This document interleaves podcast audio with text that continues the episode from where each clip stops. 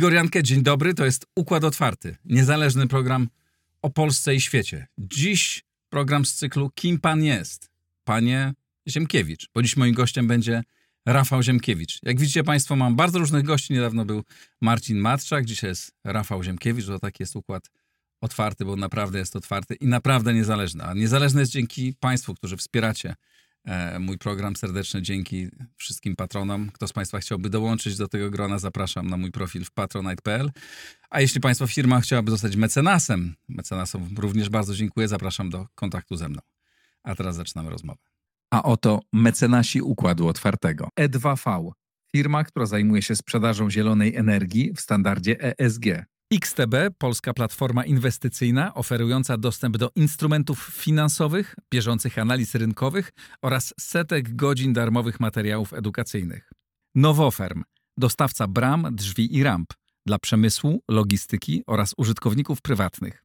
OnGeo.pl, geoportal dostarczający raport o terenie z diagnozą dowolnej działki dla właścicieli, sprzedających lub kupujących.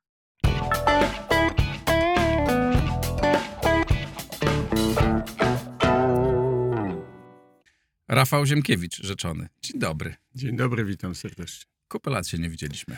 No, trochę, ale kontakt cały czas był. Ostatnio twoją książkę recenzowałem. Tak, bardzo ci dziękuję. E, e, słuchałem, bardzo było miło. Jak się czujesz dzisiaj w Polsce? Tak się, ja się czuję cały czas tak samo. To znaczy, jeśli pytasz o moje życie prywatne, to jestem szczęśliwy, spełniony i same dobre rzeczy tutaj następują. Natomiast jeśli chodzi o sprawy publiczne, no to dostarczają nieustającego zmartwienia, ale i nieustającego napędu paliwa do tego, żeby się angażować, żeby pisać, żeby myśleć, żeby badać, studiować, szukać rozwiązań. Ale z jednej strony y, wiem, domyślam się, dlaczego cię rzeczywistość frustruje, jak każdego z nas prawie. E, raz jedni nas frustrują, raz drudzy.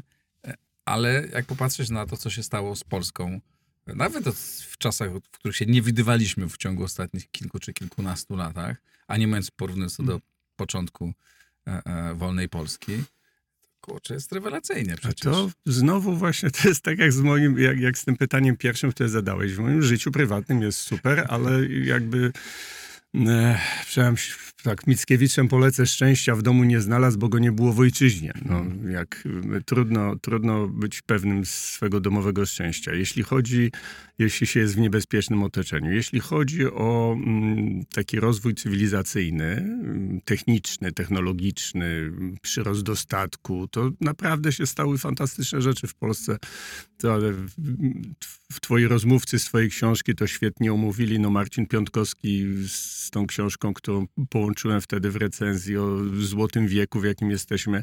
Dane statystyczne, to wszystko pokazuje. No, jak się spojrzy na filmy z czasów naszej młodości i zobaczy ludzi w tych paletkach z pedetów, jakichś takich czapeczkach charakterystycznych, innych wtedy nie było no to jesteśmy w ogóle gdzie indziej, jesteśmy zachodem. Koledzy mojej córki ze studiów y, z Anglii przyjeżdżają do Polski, otwierają gęby po prostu z podziwem, że są zachwyceni, bo u nich jest wszystko w rozpadzie, u nich się wszystko sypie, to jest prawda taki upadający gondor, a my jesteśmy w tej chwili naprawdę takim młodym, rosnącym społeczeństwem. Natomiast jeśli chodzi o sprawy społeczne, no to jest kaszana, no co tu, co tu gadać. Ale kurde, zgadzam się, ale z drugiej strony, no, byliśmy przez 30 lat, Polską zarządzały różne ugrupowania, e, e, różne środowiska mm. polityczne i zawsze mniej więcej tak samo narzekaliśmy, aczkolwiek tak jak teraz jest to, to rzeczywiście osiągamy jakieś wyżyny e, absurdu w niektórych, w niektórych sferach.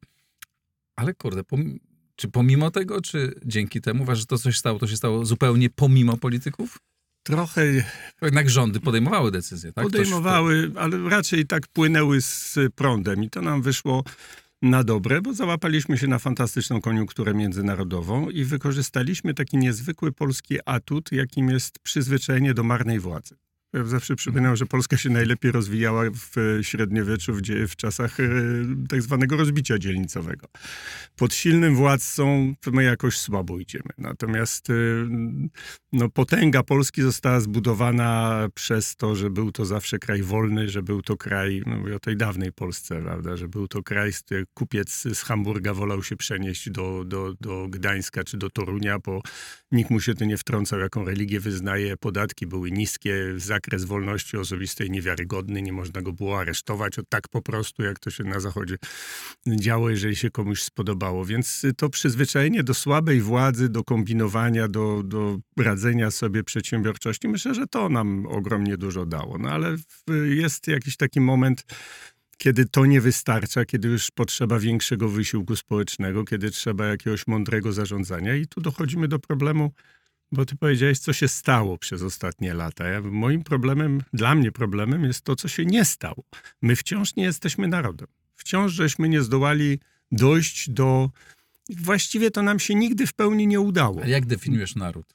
Jako wspólnotę polityczną połączoną wspólnotą nabudowaną na wspólnocie kulturowej. Mhm. To jest to jest wielki problem, bo Polska ma.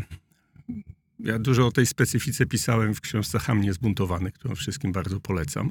Polska ma zupełnie inną historię. My się, my się jakoś bezmyślnie mm, robimy to, co profesor Legutko nazwał tą próbą modernizacji przez kserokopiarkę, ale to jest, nie działa, bo kopiujemy rozwiązania z innych zupełnie krajów, gdzie była klasa średnia, gdzie było mieszczaństwo, gdzie były rewolucje, wojny chłopskie rozmaite. I Rewolucje się... przemysłowe.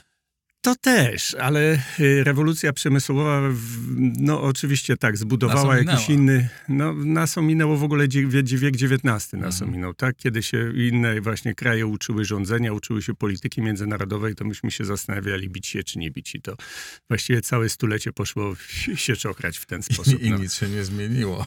Dalej zastanawiamy się, nie, bić się czy nie bić dalej się, dalej się bijemy ze sobą, między tak. sobą. Bo to, tak. Problem polega na tym, że w Polsce nie działa walka klas. Nie było walki klas w sensie takim, jak sobie Marks zaobserwował na Zachodzie. Bo tu nie było żadnych klas, tylko był taki trójkąt.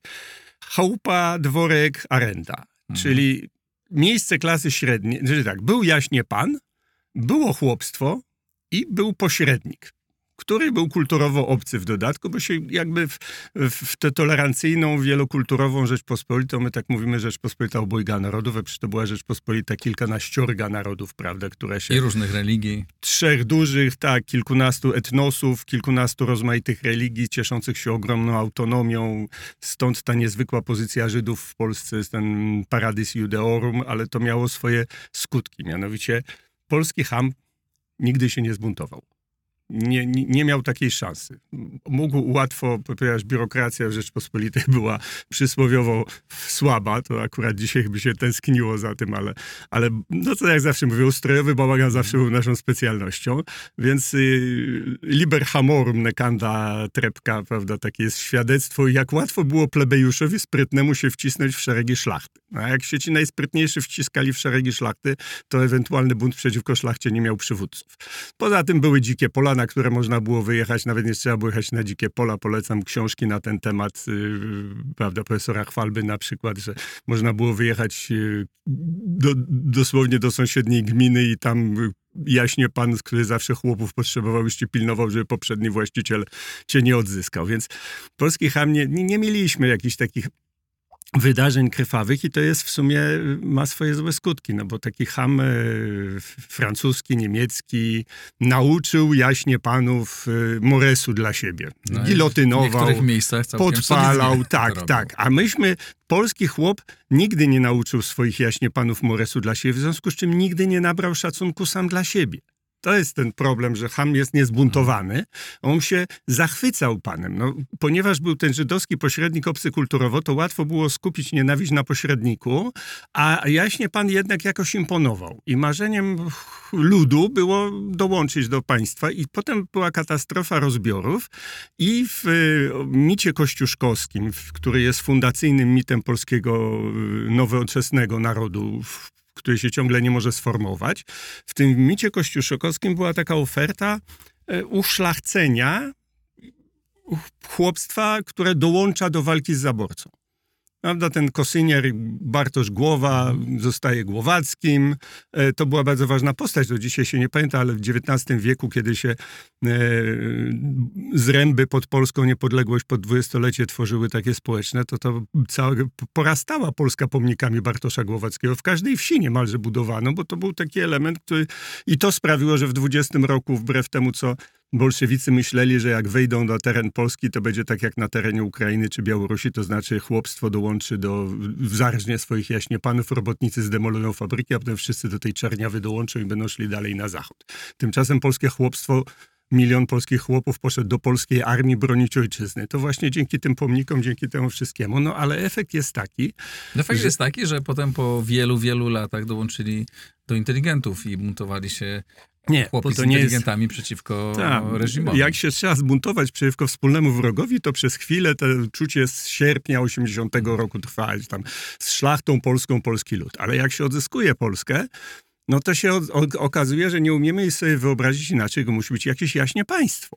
I zobacz, co się dzieje po 90 roku. Mhm. Od razu się odradza jaśnie państwo. To, co ja nazywam Michnikowszczyzną. Mhm. Nie mówię, że wymyśliłem tę nazwę, ale w książce o takim tytule starałem się to opisać. Czyli jest grupa tych dziedziców, inteligentów, no bo w międzyczasie szlachta się przepoczwarzyła w inteligencję z y, różnymi też tego ciekawymi skutkami i oni wiedzą lepiej.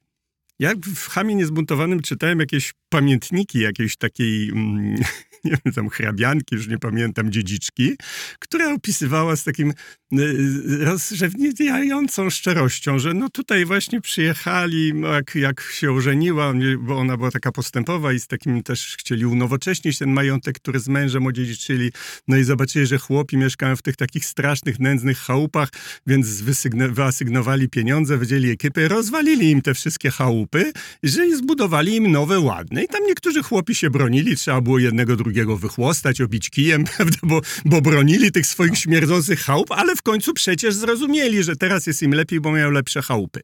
No to jest kwintesencja planu Balcerowicza. Nie będziemy w ogóle idiotom mówić o co chodzi, bo przecież oni nie zrozumieją. My, ludzie odpowiedzialni na pewnym poziomie, my wiemy, że tak trzeba, a to roszczeniowo nastawiona ciemnota, która się w transformacji, prawda, się nie sprawdza, ale się sprawdzi. My im to zrobimy, my im te nowe chałupy postawimy, oni zobaczą, że to było dobrze.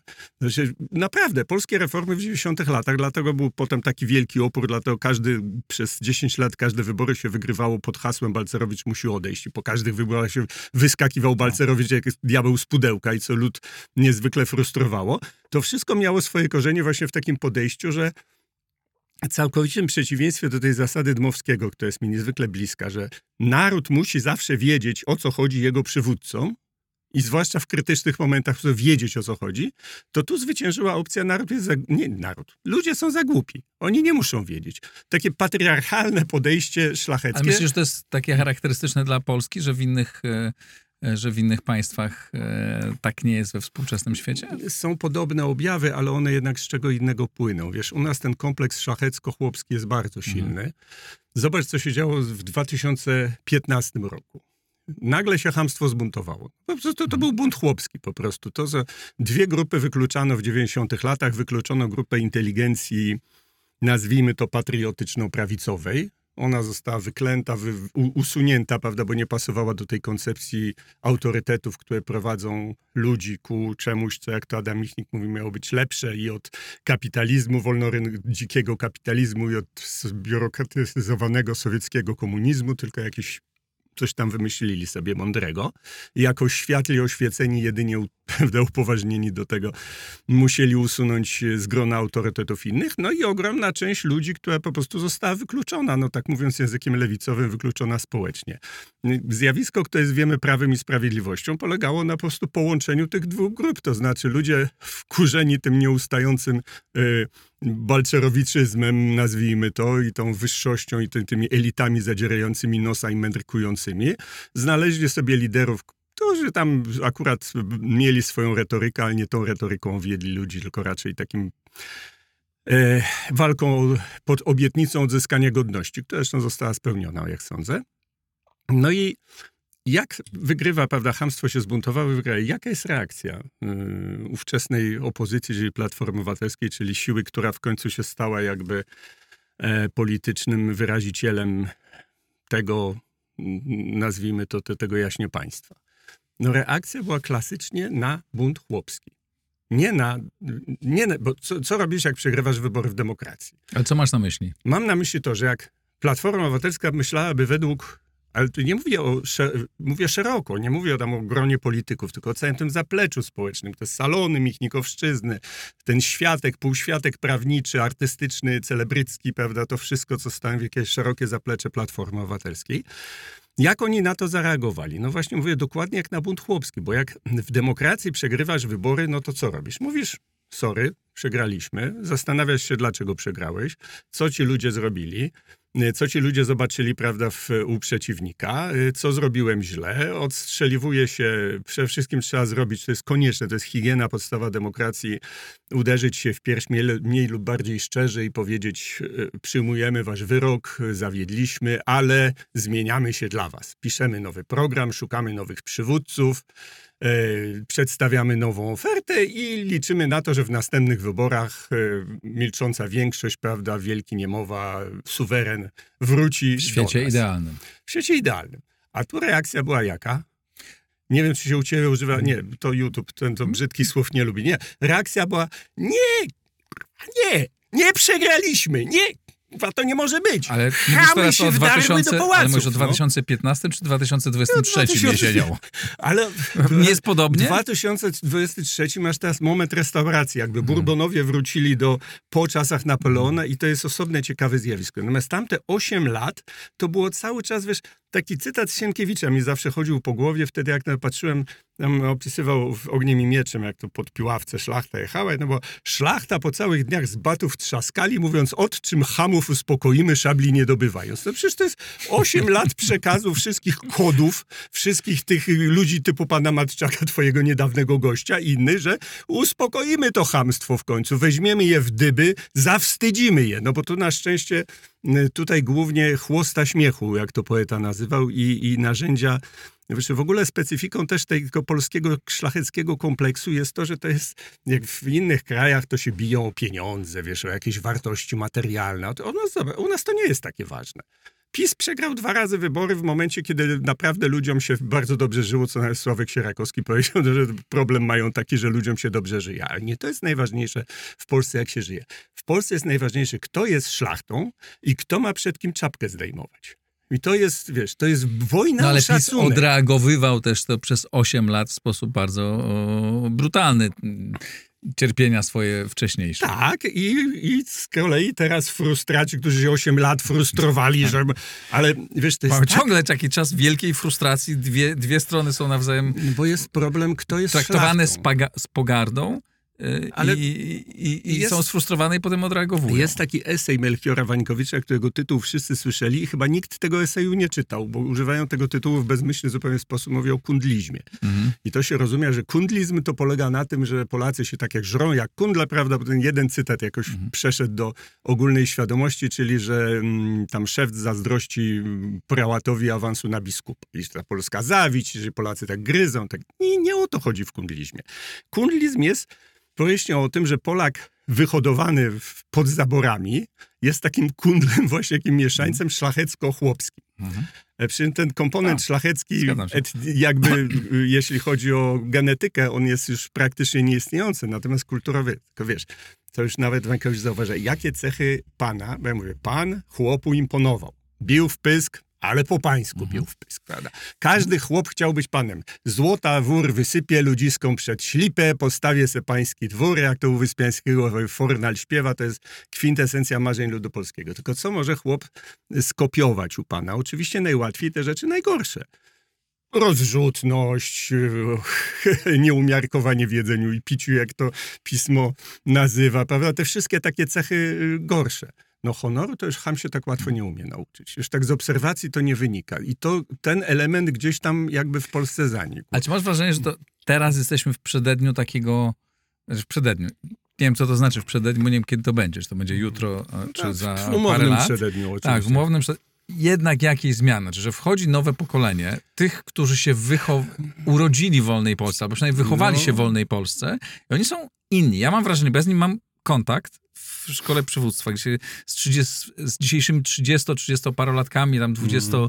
tymi tam pod 30 ludźmi i mam takie poczucie, że oni są kompletnie inni, że oni są z innej gliny. Mam nadzieję. Cieszy mnie to niezwykle. Nie mają tych kompleksów, nie mają tej e, agresji wobec siebie, takiej właśnie potrzeby odreagowywania.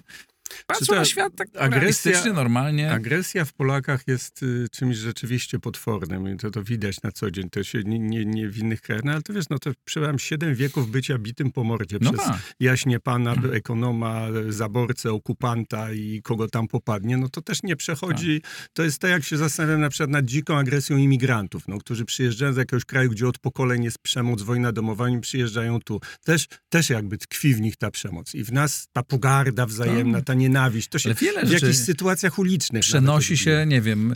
Y, kiedyś pamiętam, tu hmm. rozmawiałem, e, to było, była taka rozmowa z panią psycholog a propos o, skutków tego, co się dzieje na Ukrainie, nie? Hmm. gwałtów. Tak rozmawialiśmy o gwałtach. I ona mówiła mi, że gwałty, skutki gwałtów niesie się przez sześć pokoleń. Nie? Że matki przekazują, że to jest gdzieś tak. podświadome tak. ten. I, że, I powiedziałem już chyba, nie wiem, czy to było w trakcie programu, przepraszam, czy po programie, że w czasie II wojny było zgwałconych 2 miliony Polek i Polaków, bo też mężczyźni by też byli mm -hmm. gwałceni. I być, tego no, oczywiście nie wiemy, nie zbadamy, nie? Ileś takich rzeczy my nosimy w sobie, ten. I teraz chcecie I, do, i teraz łatwo, do tych ludzi. Łatwo to z nas wydłubać, bo jeszcze pamiętam twoje pytanie o młode pokolenie. Jeszcze zostańmy przy tym starszym, które dominuje, no bo w tej chwili cały czas jakby za, odpowiedzialna jest za Polskę głównie to pokolenie no 40 do 60. To jest no, ta główna plus, formacja. 60 plus, no bo... 60 plus też, no ale powiedzmy no trochę 30, ale generalnie no ci trochę starsi. No, Donald Tusk i Jarosław mają ponad. No. Powiedzmy, że jak spojrzę w, w Ameryce na pojedynek Trumpa z Bidenem, Bidenem, to nasi są... to nasi ma młodzież, dzielna młodzież. Ale e, o co chodzi? No, dlaczego, dlaczego Tusk i Kaczyński? Dlatego, że oni jakby wymacali tę najgłębszą emocję, najgłębszy podział, mhm. jaki w Polakach jest i odwołali się właśnie do tego podziału. Mhm. I każdy swoim ludziom mówią, ty jesteś, my jesteśmy prawdziwą szlachtą, a tamci muszą przed nami czapkę zdjąć, bo no i tu jest po jednej stronie, bo dla Tuskowców to jest, bo my jesteśmy Europejczykami, bo my jesteśmy nowocześni, a tam to to hamstwo to musi wymrzeć jak dinozaury, starsi, gorzej wykształceni z małych miejscowości, prawda, i tak dalej. My, młodzi, wykształceni z dużych miast, prawda, i tak dalej. No a w wypadku y, pisowców, no to jest, bo my jesteśmy jedynymi patriotami, bo nam na Polsce zależy, bo my dreszczy doznajemy słuchając poezji romantycznej, jak jeszcze da się, wiesz, wbudować w to mit jakiś swój, stworzyć poległych pod Smoleńskiem Lecha Kaczyńskiego, przecież tam próba stworzenia tego mitu, to jest czyste takie epigoństwo romantycznych tak. jakby kalek z XIX mhm. wieku i e, romantyczno-patriotycznych kalek. E, I każda z tych części jeszcze zdołała sobie wmówić, że tak naprawdę ona jest całością.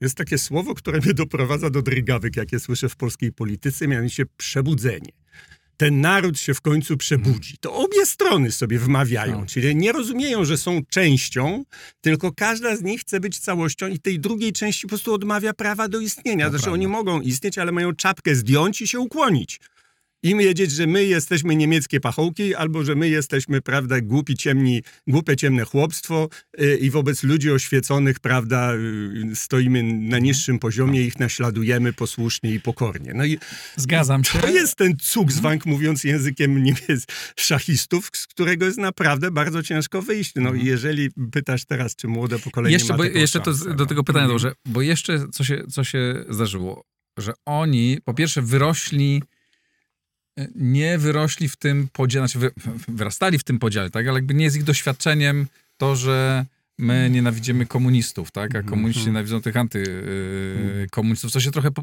potem przełożyło na ten obecny, e, na ten obecny Bardzo to też e, ciekawy pogląd. przyczynek też... Gomułkowski, Gomułkowska, polska Gomułkowska próba budowy e, odwołania się znowu, zauważ, że Gomułkowska budowa socjalistycznego mm. narodu ludowego w oparciu o lud prawda, bo byli, wcześniej była Polska sanacyjna, była Polską jaśnie panów, a tu my dzięki tak. socjalizmowi, lud, chłop, mhm. ja to pamiętam z dzieciństwa, ty pewnie też przecież, to te wszystkie jakieś czytanki, prawda, o, o że dziedzic, nie, to, to z Barei akurat, że dziedzic do takiej flaszki nalewał tam wódkę i chłopstwo pańszczyźniane rozpijał, to, to, to naprawdę to była celna parodia tego, czego uczono w szkołach za czasów naszej młodości. Mhm. Ja tak mniej, mniej na szczęście to e, e, pamiętam, ale dobra, Chodziło mi o to, że ten podział, który był Mhm. wtedy no, taki zero-jedynkowy, tak? Nie podawało się komuchom ręki, to było Co, to znowu biało, jest czarne. pewien mit. Ale w dużej, no, w, wśród inteligencji, w, w dużych miastach, no, ja pamiętam, w moim środowisku to było bardzo W moim jednoznaczne. środowisku też, I teraz ale tylko. mit. y, y, Mhm. to, to, I y, wielu y, z tych dzisiejszych liderów, czyli ludzie, którzy jakby weszli do polityki, do życia publicznego w następnym, bo tylko nie, to nie chodzi tylko o politykę, jak samo o dziennikarzy, tak? A jeszcze bardziej. Em, uważają, że no, wrogom się nie podaje ręki, tak? Po drugiej stronie, jak ten jest z Gazety jest- Wyborczej albo, ten- albo ten jest w sieci, to to jest mój śmiertelny wróg, któremu nie mogę podać ręki. Co Te, jest- te same zasady obowiązują, które Nie, obowiązują w latach dość, że- 80., tylko że to jest absurdalne, żyjemy w wolnym kraju, tak? Nie dość, że to jest nie podać ręki, ale to jest w ogóle, nie wiem, firma, która się reklamuje w medium antyrządowym, a ja jestem prorządowy na przykład, to jest po prostu, no gdzieś tam widziałem, Gazeta Wyborcza takie listy proskrypcyjne prowadzi tutaj, wyliczając, które to filmy jeszcze nie wycofały reklam z Republiki, prawda? Ale masz rację, ta narzędzia takiego... Ale to działa w dwie strony. No no. tak, tak, no ale kto, kto akurat ma władzę, to ten akurat w wypadku tej, no to wiadomo, że koncerny, żeby robić kasabubu, to robią je na układach z rządem, w związku z czym chcą mieć dobrze z rządem, ktokolwiek go tam akurat stanowił, że mają gdzieś te nasze polskie jakieś tam zapiekłości i zaszłości, ale tak, sięgnięcie, no to jest wpływ y, tego y, hodowcy nowego jaśnie państwa w latach 90., którym był Adam Michnik, sięgnięcie właśnie po te narzędzia inteligenckie, czyli nie podawania ręki, czyli dystrybucji szacunku. Mhm. Tak samo jak sanacja. Mhm. Sanacja była, znowu odwołam się do Wańkowicza, bo on to opisuje, to jest kompleks idący przez wieki. Sanacja była dokładnie tym samym. Sanatorzy byli szlachtą. Bo oni rozlewali Tak. krew za Polskę, bo oni walczyli, a wedle mitu, który stworzyli, nikt inny nie walczył. To jest oczywiście nieprawdą, ale Piłsudczycy sobie też przypisali. Zauważ, że jak Piłsudski poszedł do tego Sulejówka, co jest trochę zmitologizowane, że on tam nie, się wycofał, bo się tak naprawdę nie wycofał, ale to był świetny chwyt PR-owski. On wtedy zrezygnował ze wszystkich funkcji, ze wszystkich pensyjek, prawda, żył bardzo nędznie, co też mu mm, przydawało miru, ale z jednej nie zrezygnował ani na moment. Przewodniczenia kapitule Virtuti Militari. Mhm. Czyli najwyższy, Dystrybucja naj, szacunku, tak. dystrybucja, najwyższe, najsilniejsze narzędzie w ówczesnej Polsce Mhm. dystrybucji szacunku. I tutaj też, wiesz, te narzędzia dystrybucji szacunku były oczywiście w grze. No one się zużyły przez, przez 30 lat, ale był moment w latach 90., kiedy, wiesz, ja widziałem ludzi takich, którzy mieli już nie chcę po nazwiskach, bo akurat nie żyją, ale y, naprawdę ludzie, którzy mieli sukces w Ameryce, a tu w Polsce ktoś miał sukces w Ameryce, to już prostu święty przecież, nie? E, I, I naprawdę mieli wszelkie tytuły. Tak Widziałem, jak oni po prostu wpatrzeni byli w Adama Michnika z takim drżeniem, żeby, że, że czy on przypadkiem brwi nie zmarszczy. Bo jakby spojrzał na niego i brwi zmarszczył, to ten pisarz na przykład by po prostu, jak, jak te Nowosilcow w dziadach, że to nam, prawda, cesa, u, u, ukaz ten, niełaskę carską popadł, prawda, i od razu jest w samym środku piekła.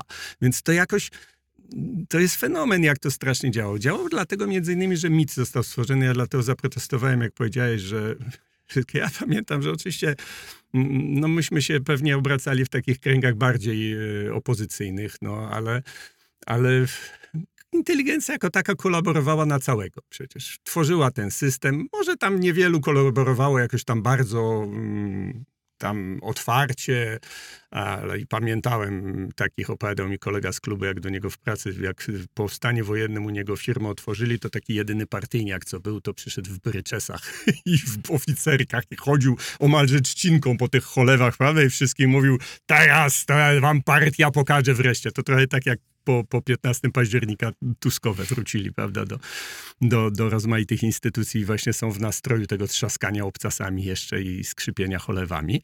No ale mm, Adam Michnik, jego potęga polegała między innymi na tym, że on wytworzył taki mit dla inteligencji. I to rzeczywiście było na swój sposób genialne i nie wiem na ile on to przemyślał, na ile to zrobił odruchowo. Mianowicie taki mit, że to inteligencja obaliła komunizm swoją niezgodą, odmową i uporem.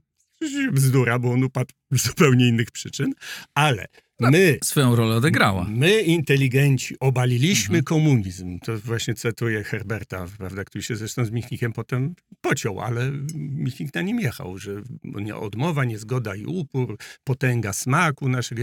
Mało tego, inteligencja nie dość, że obaliła komunizm, to potem rozumnie wyrzekła się zemsty.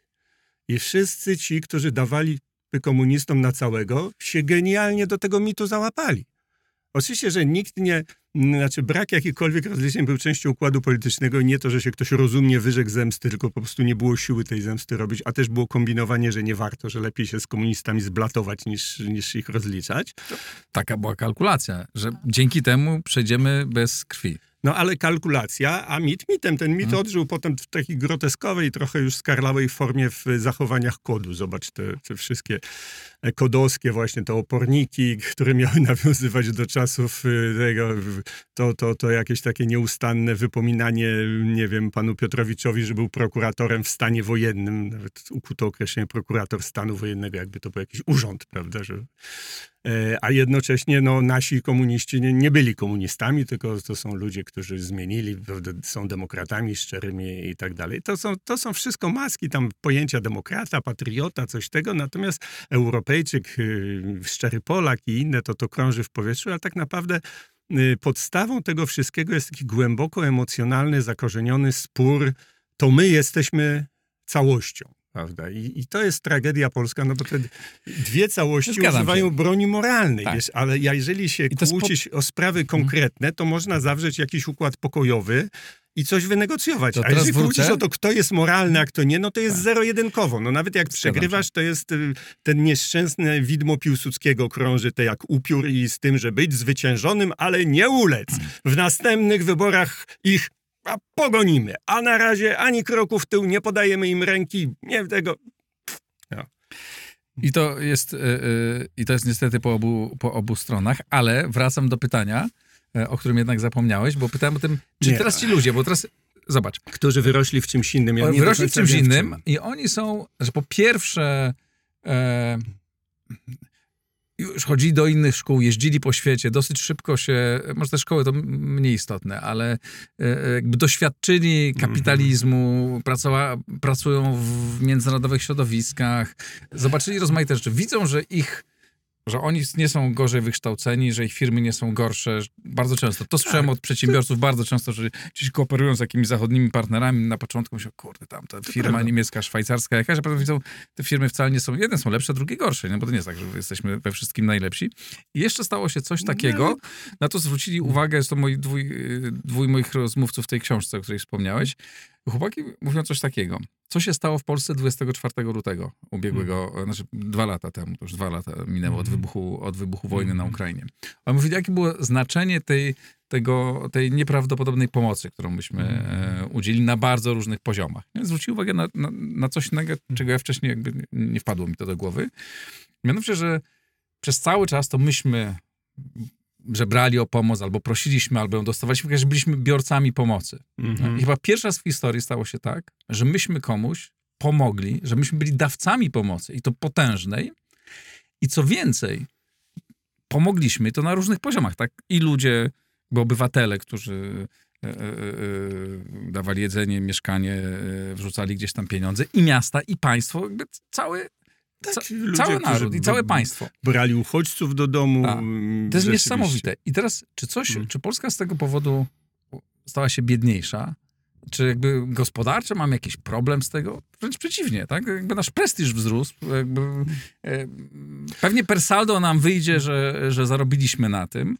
E, I teraz ci ludzie mają poczucie takie, że mm. daliśmy, ale chodzi mi o to, że o takie poczucie, tak? Tak, że my jesteśmy, myśmy w stanie pomóc i to jest okej. Okay. Że już nie jesteśmy tacy, że kurde, czy te dopłaty unijne będą tam troszeczkę większe czy mniejsze, nie? Jest... I myślę, że to jest coś takiego, czego być może tego nie zauważamy do końca, że to nas zmienia, czy nas, zwłaszcza tych ludzi, młodych ludzi, nie? Nie wiem, czy młodych bardziej, czy innych. To znaczy, to jest coś, czego na przykład klasa polityczna dotąd nie zauważyła. Tak. Ona cały czas żyje w poprzednim paradygmacie, czyli wielkiego polskiego kompleksu wobec Zachodu.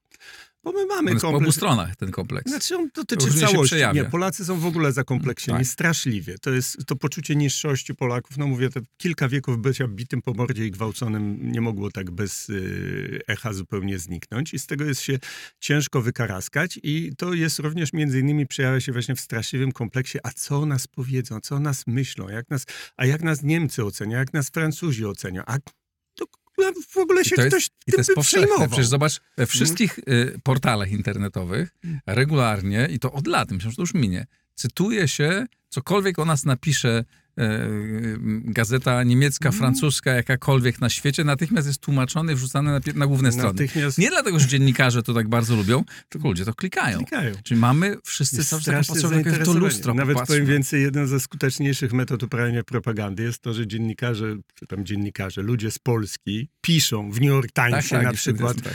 Yy, przeważnie szmacąc Polskę kompletnie, a to jest w polskiej gazecie przedrukowywane już bez informacji, że pa, pa, pani Pipsztycka z tej gazety to napisała, tylko że w New York Timesie piszą o Polsce i to na wielu ludzi, zwłaszcza w starszym pokoleniu działa. Więc rzeczywiście jeśli mówisz o ludzi młodszych, też to, to zauważam, że oni już tego kompleksu nie mają. Oni jeżdżą na zachód i widzą, że na zachodzie jest brudniej w tej chwili niż, niż w polskim miasteczku, że jest syf, krótko mówiąc, że, Bez że jest przesady. lekki.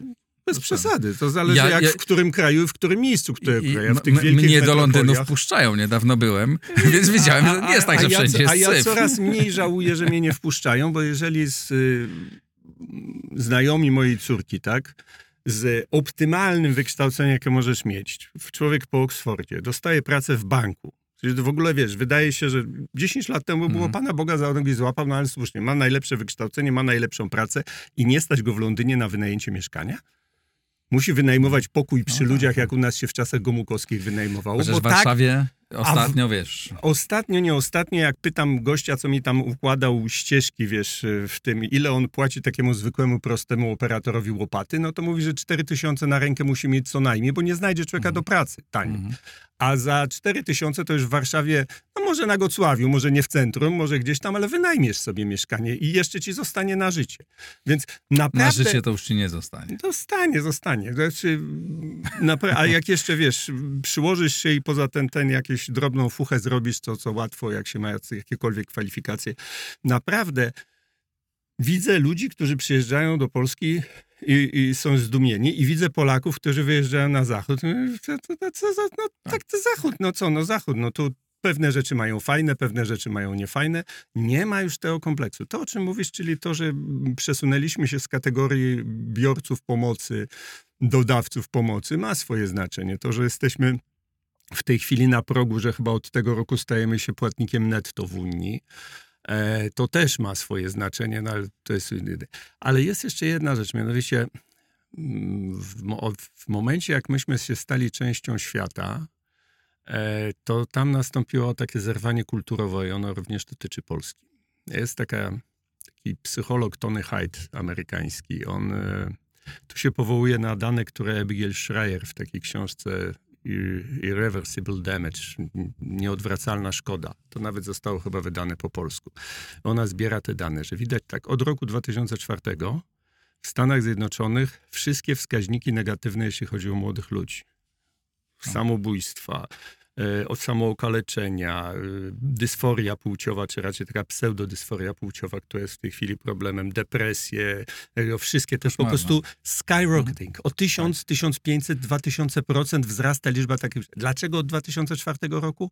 Bo wszedł smartfon do powszechnego. Technologia, absolutnie. To Zerwanie, też obserwuję na zerwanie. własne doświadczenia. Dziadkowie, takie, tak. To już tam, gdzie rodzice nie mogą się dogadać z dziećmi. Tak. Nie przekazują, znaczy coś tam dzieciom przekazują, ale według jakichś dziwnych, niejasnych zupełnie sytuacji. To młode pokolenie w ogóle jego, zobacz, jego nie ma. No u nas, ja nie mówię w polityce, gdzie, gdzie Krzysztof Bosak 40-paroletni uchodzi za 16-latka, No, po prostu jest traktowany jak, jak mówię, do Bidena i Trumpa jeszcze tak. nam trochę da. Ale gdzieś tam w życiu publicznym, ja, ponieważ no, córki mam, ale one już akurat obie pełnoletnie są, młodsza też już jest pełnoletnia w tej chwili, ale to dzięki tym ona mi pokazuje, to ja wiedziałem, kto to jest stół, kto to jest Gargamel, prawda, i tam Gonciarz i dlaczego, na czym polegał skandal, który przeorał tamte pokolenie, które o aferze Rywina nie słyszało, ale tamto, to prawda, te, te, te obyczajówki to były dla nich jakieś znaczenie, więc ja jakoś tam mniej więcej sobie wyobrażam ich sposób komunikacji i to, co z tej komunikacji wynika.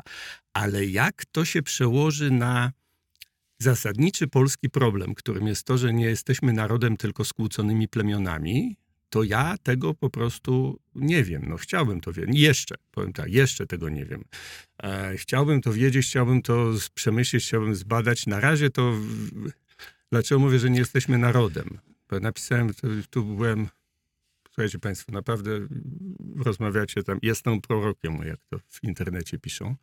20 lat temu wydałem pier- tę Polactwo. książkę Polactwo, która nie była bynajmniej jak, bo najwięcej mieli do powiedzenia ludzie, którzy przeczytali tylko tytuł i im się bardzo nie spodobał, a książka miała grubo ponad 100 tysięcy egzemplarzy sprzedanych i dwie malutkie niszowe recenzyjki, więc wydaje mi się, że coś trafiłem, prawda, jeżeli kompletnie żadnej reakcji y, w mediosferze nie było.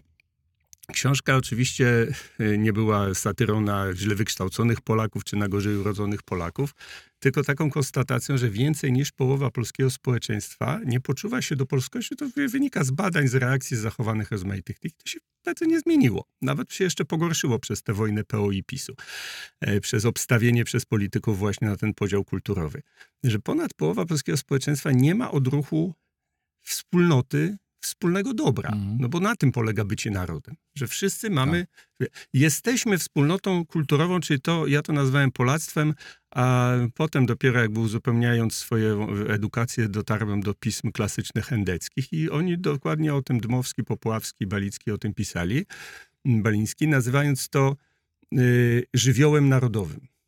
Czyli jest wspólny język, są jakieś wspólne odruchy kulturowe, choinka, prawda, malowanie jaj na Wielkanoc, y, wszystkich świętych, to się groby odwiedza, jakieś tam, jak Małysz wygrywa, to się cieszymy wszyscy i przez moment się czujemy wspólnotą, bo bardzo tęsknimy za tym, podświadomie chcielibyśmy być taką wspólnotą, ale na świadomość wspólnych interesów to się nie przekłada. No jak teraz widzę profesorów, ludzi z ogromnym autorytetem instytucjonalnym, którzy oczywiście nie dorastają do tego, bo jest u nas bardzo silne to PRL-owskie zjawisko, które święte pamięci Jerzy Dobrowolski nazwał awansowany powyżej własnej inteligencji.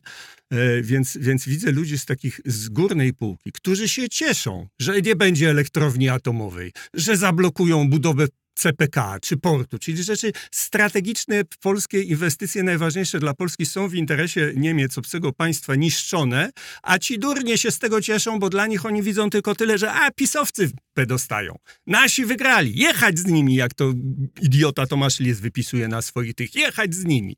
No to jest właśnie klasyczny, to pokazuje jaka jest o ile silniejsza jest i to w samych elitach społecznych emocja plemienna nad świadomość wspólnego interesu narodowego e, dzieci. I na ile to może przeniknąć, wiesz, z jednej strony to zerwanie kulturowe, że ludzie siedzą sobie młodzi w smartfonach i mają w ogóle wie, co tam się dzieje na linii TVN24, TVP Info, ich to w ogóle nie dotyczy. No ale z drugiej strony oni też czymś nasiąkają dziwnym, trudnym, strasznym. No jak patrzę na no, choćby problem samobójstw wśród młodzieży, wiesz, zaburzeń psychicznych wśród młodzieży. To jest, się, ilu znałeś ludzi w dzieciństwie, którzy samobójstwo popełnili? No to jest... Wśród rówieśników, nie? jest Bo ja nie znałem. Problem, tylko to nie jest problem związany z sytuacją, która jest w naszym kraju. No to ale nie, w jakiś problem... sposób tak, bo wyrywane, w, ludzie, wyrywane są kody kulturowe z korzeniami, a jednocześnie narzucone są wzorce. Na przykład Hmm. jako, jako ojciec córek, no bardzo dużo nad tym myślałem i dużo się tym zajmowałem, żeby to jakoś odkręcić, bo być dzisiaj młode, być młodym człowiekiem to jest trudno, ale być kobietą młodą, to to jest po prostu potworne, wiesz, to, to jest nie do wytrzymania, wiesz. Jak za czasów naszych babek, to wiesz, życie kobiety to było proste, jak, tak jak jest w islamie. Znaleźć męża, dobrze się ożenić, a dalej to już tylko smartfon, zakupy przyjaciółki, prawda, i, i tak dalej, nie? A teraz nagle się stawia tym dziewczynom tyle wymagań i jednocześnie wszyscy ludzie są też, czego za naszych czasów nie było, że wszyscy są nieustannie oceniani, wszyscy są nieustannie wystawieni na shaming jakiś, prawda? Czy to, że za, jak ktoś jest gruby, to się śmieją, że gruby, jak ktoś jest chudy, to jest, że chudy. No, można zwariować od tego wszystkiego, więc Można, ale to są, to, to, to są to koszty tego, o, o, ci młodzi ludzie ponoszą ogromne, tylko to nie jest polski problem, to jest problem problem ogólny, który- tak. smartfonów i tej całej komunika- problem, komunikacji. Problem braku, to już żeby dokończyć, problem braku wspólnoty narodowej jest problemem Oczywiście. wspólnym, ponieważ to jest y, jakieś szaleńcze, idiotyczne założenie mm, ostatnich kilkudziesięciu lat w kulturze Zachodu, że naród to zło. I oparte na jakimś zupełnie absurdalnym przekonaniu, że jak się zniszczy poczucie narodowe, bo narody, narody, prawda, to same przeszkody, jak to Kaczmarski śpiewał, źródła, źródła nieszczęścia. Jak się zlikwiduje narody, to ludzie się staną jakoś taką większą wspólnotą ponadnarodową.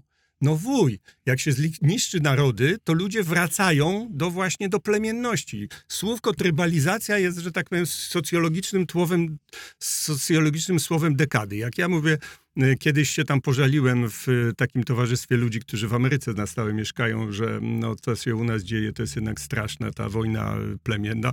To i powiem, facet, co się w Stanach dzieje? Tam to już strzelają do siebie i to już plemię trampistów i antytrampistów są tak, prawda, na noże, że nie wiadomo, czy ten kraj to przeżyje. Ale to samo się dzieje i w Europie, i wszędzie.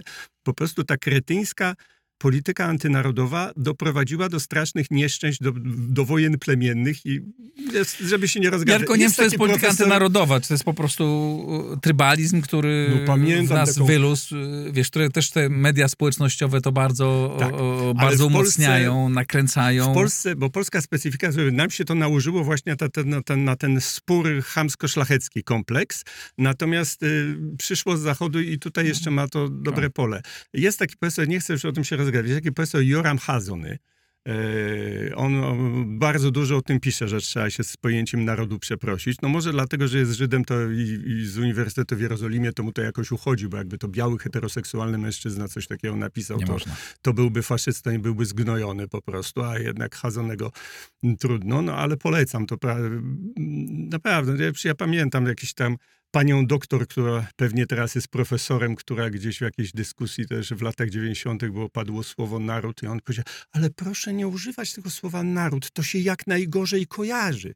No idiotka extraordinaire po prostu, no ale to jest właśnie wzorzec tej Michnikowszczyzny, z mhm. którą wojowałem 20 lat temu i ale, Bez satysfakcji Ale ci w ogóle nie przeszło, jej... bo już w tej rozmowie do Michnika się ode, z 20 razy e, odwołałeś. No śpieszmy się nie lubić Michnika, tak prędko może pa, odejść. Pa, pamiętam wiesz, no... takie zebranie w Rzeczpospolitej, e, e, e na której nasz e, wspólny wówczas kolega, szef Paweł Lisicki policzył, ile zrobił zebranie, policzył, ile razy e, w, dany, w tym wydaniu Rzeczpospolitej padło nazwisko Michnika i, i nakazał tobie przede wszystkim ograniczyć o, Dobra.